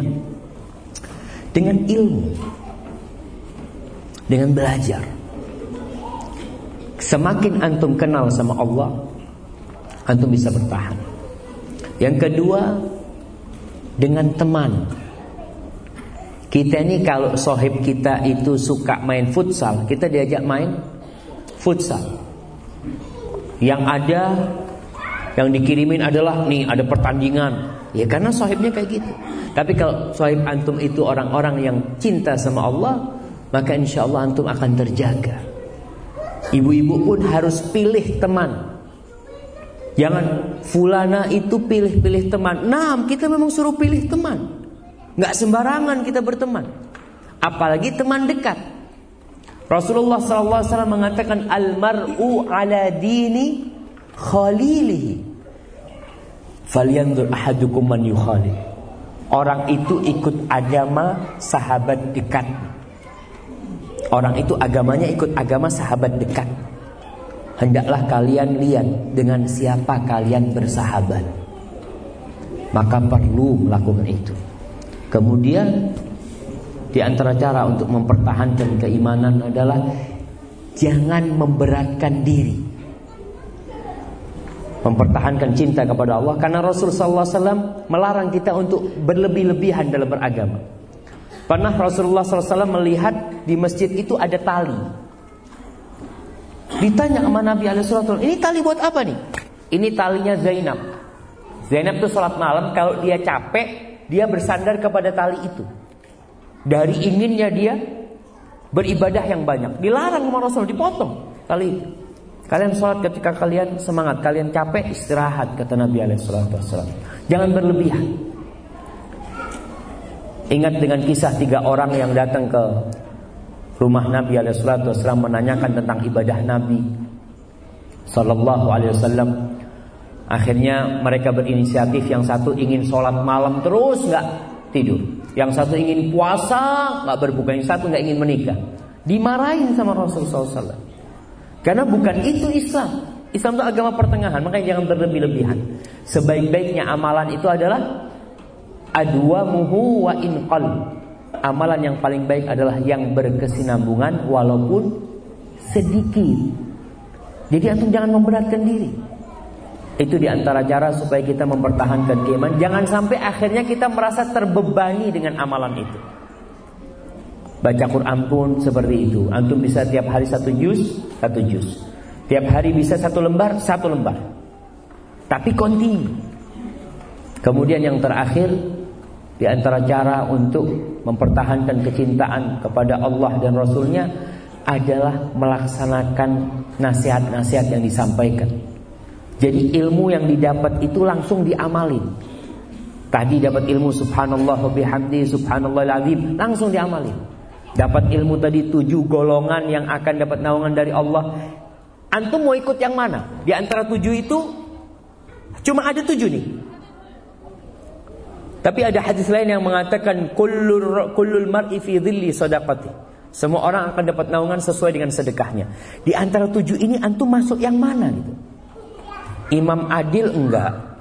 Hati bergantung di masjid? Enggak.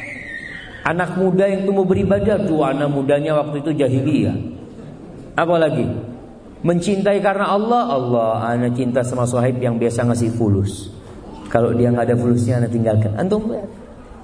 Menangis di tengah malam, pernah nggak antum menangis di tengah malam? Pernah Ustaz. Kenapa? Sakit perut. Bukan. Iya. Ini nangis zakarallaha khalian Nangis ketika di majelis biasa. Ada orang yang ketika imam masjidil haram nangis, masya Allah. Itu jemaah umroh kadang-kala nangis jemaah. Karena imamnya nangis. Ditanya abis kau kenapa nangis? Ya nggak tahu imamnya nangis, karena nggak enak nggak nangis.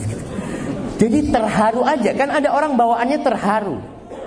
Tapi dalam hadis itu zakarallah dia mengingat Allah sendirian lalu meneteskan air matanya. Kita pernah enggak jadi itu? Enggak. Terus apa? Sedekah sembunyi-sembunyi. Ada enggak sedekah antum yang tidak diketahui oleh semua penduduk bumi ini? Pernahkah antum punya sedekah yang penduduk bumi ini nggak ada yang tahu? Bahwasanya jalan di depan kampung antum itu antum yang bangun. Satu kampung nggak ada dan istri pun nggak tahu.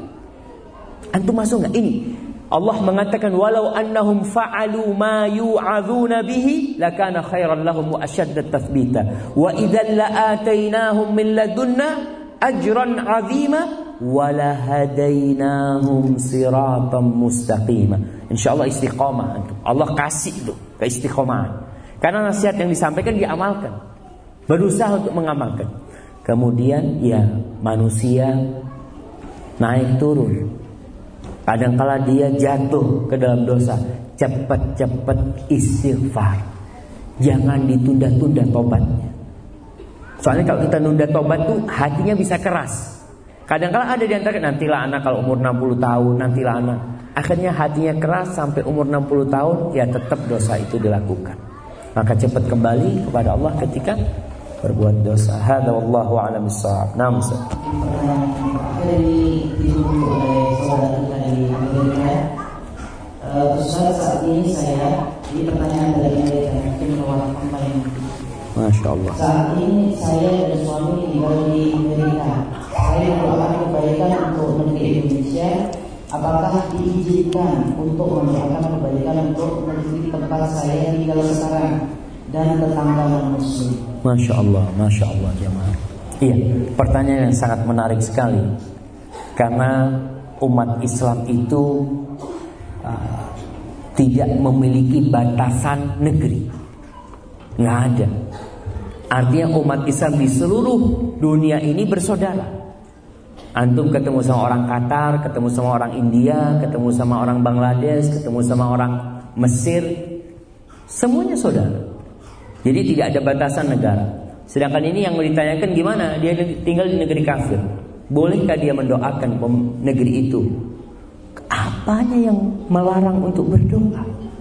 Rasulullah SAW mendoakan orang-orang kafir supaya masuk Islam.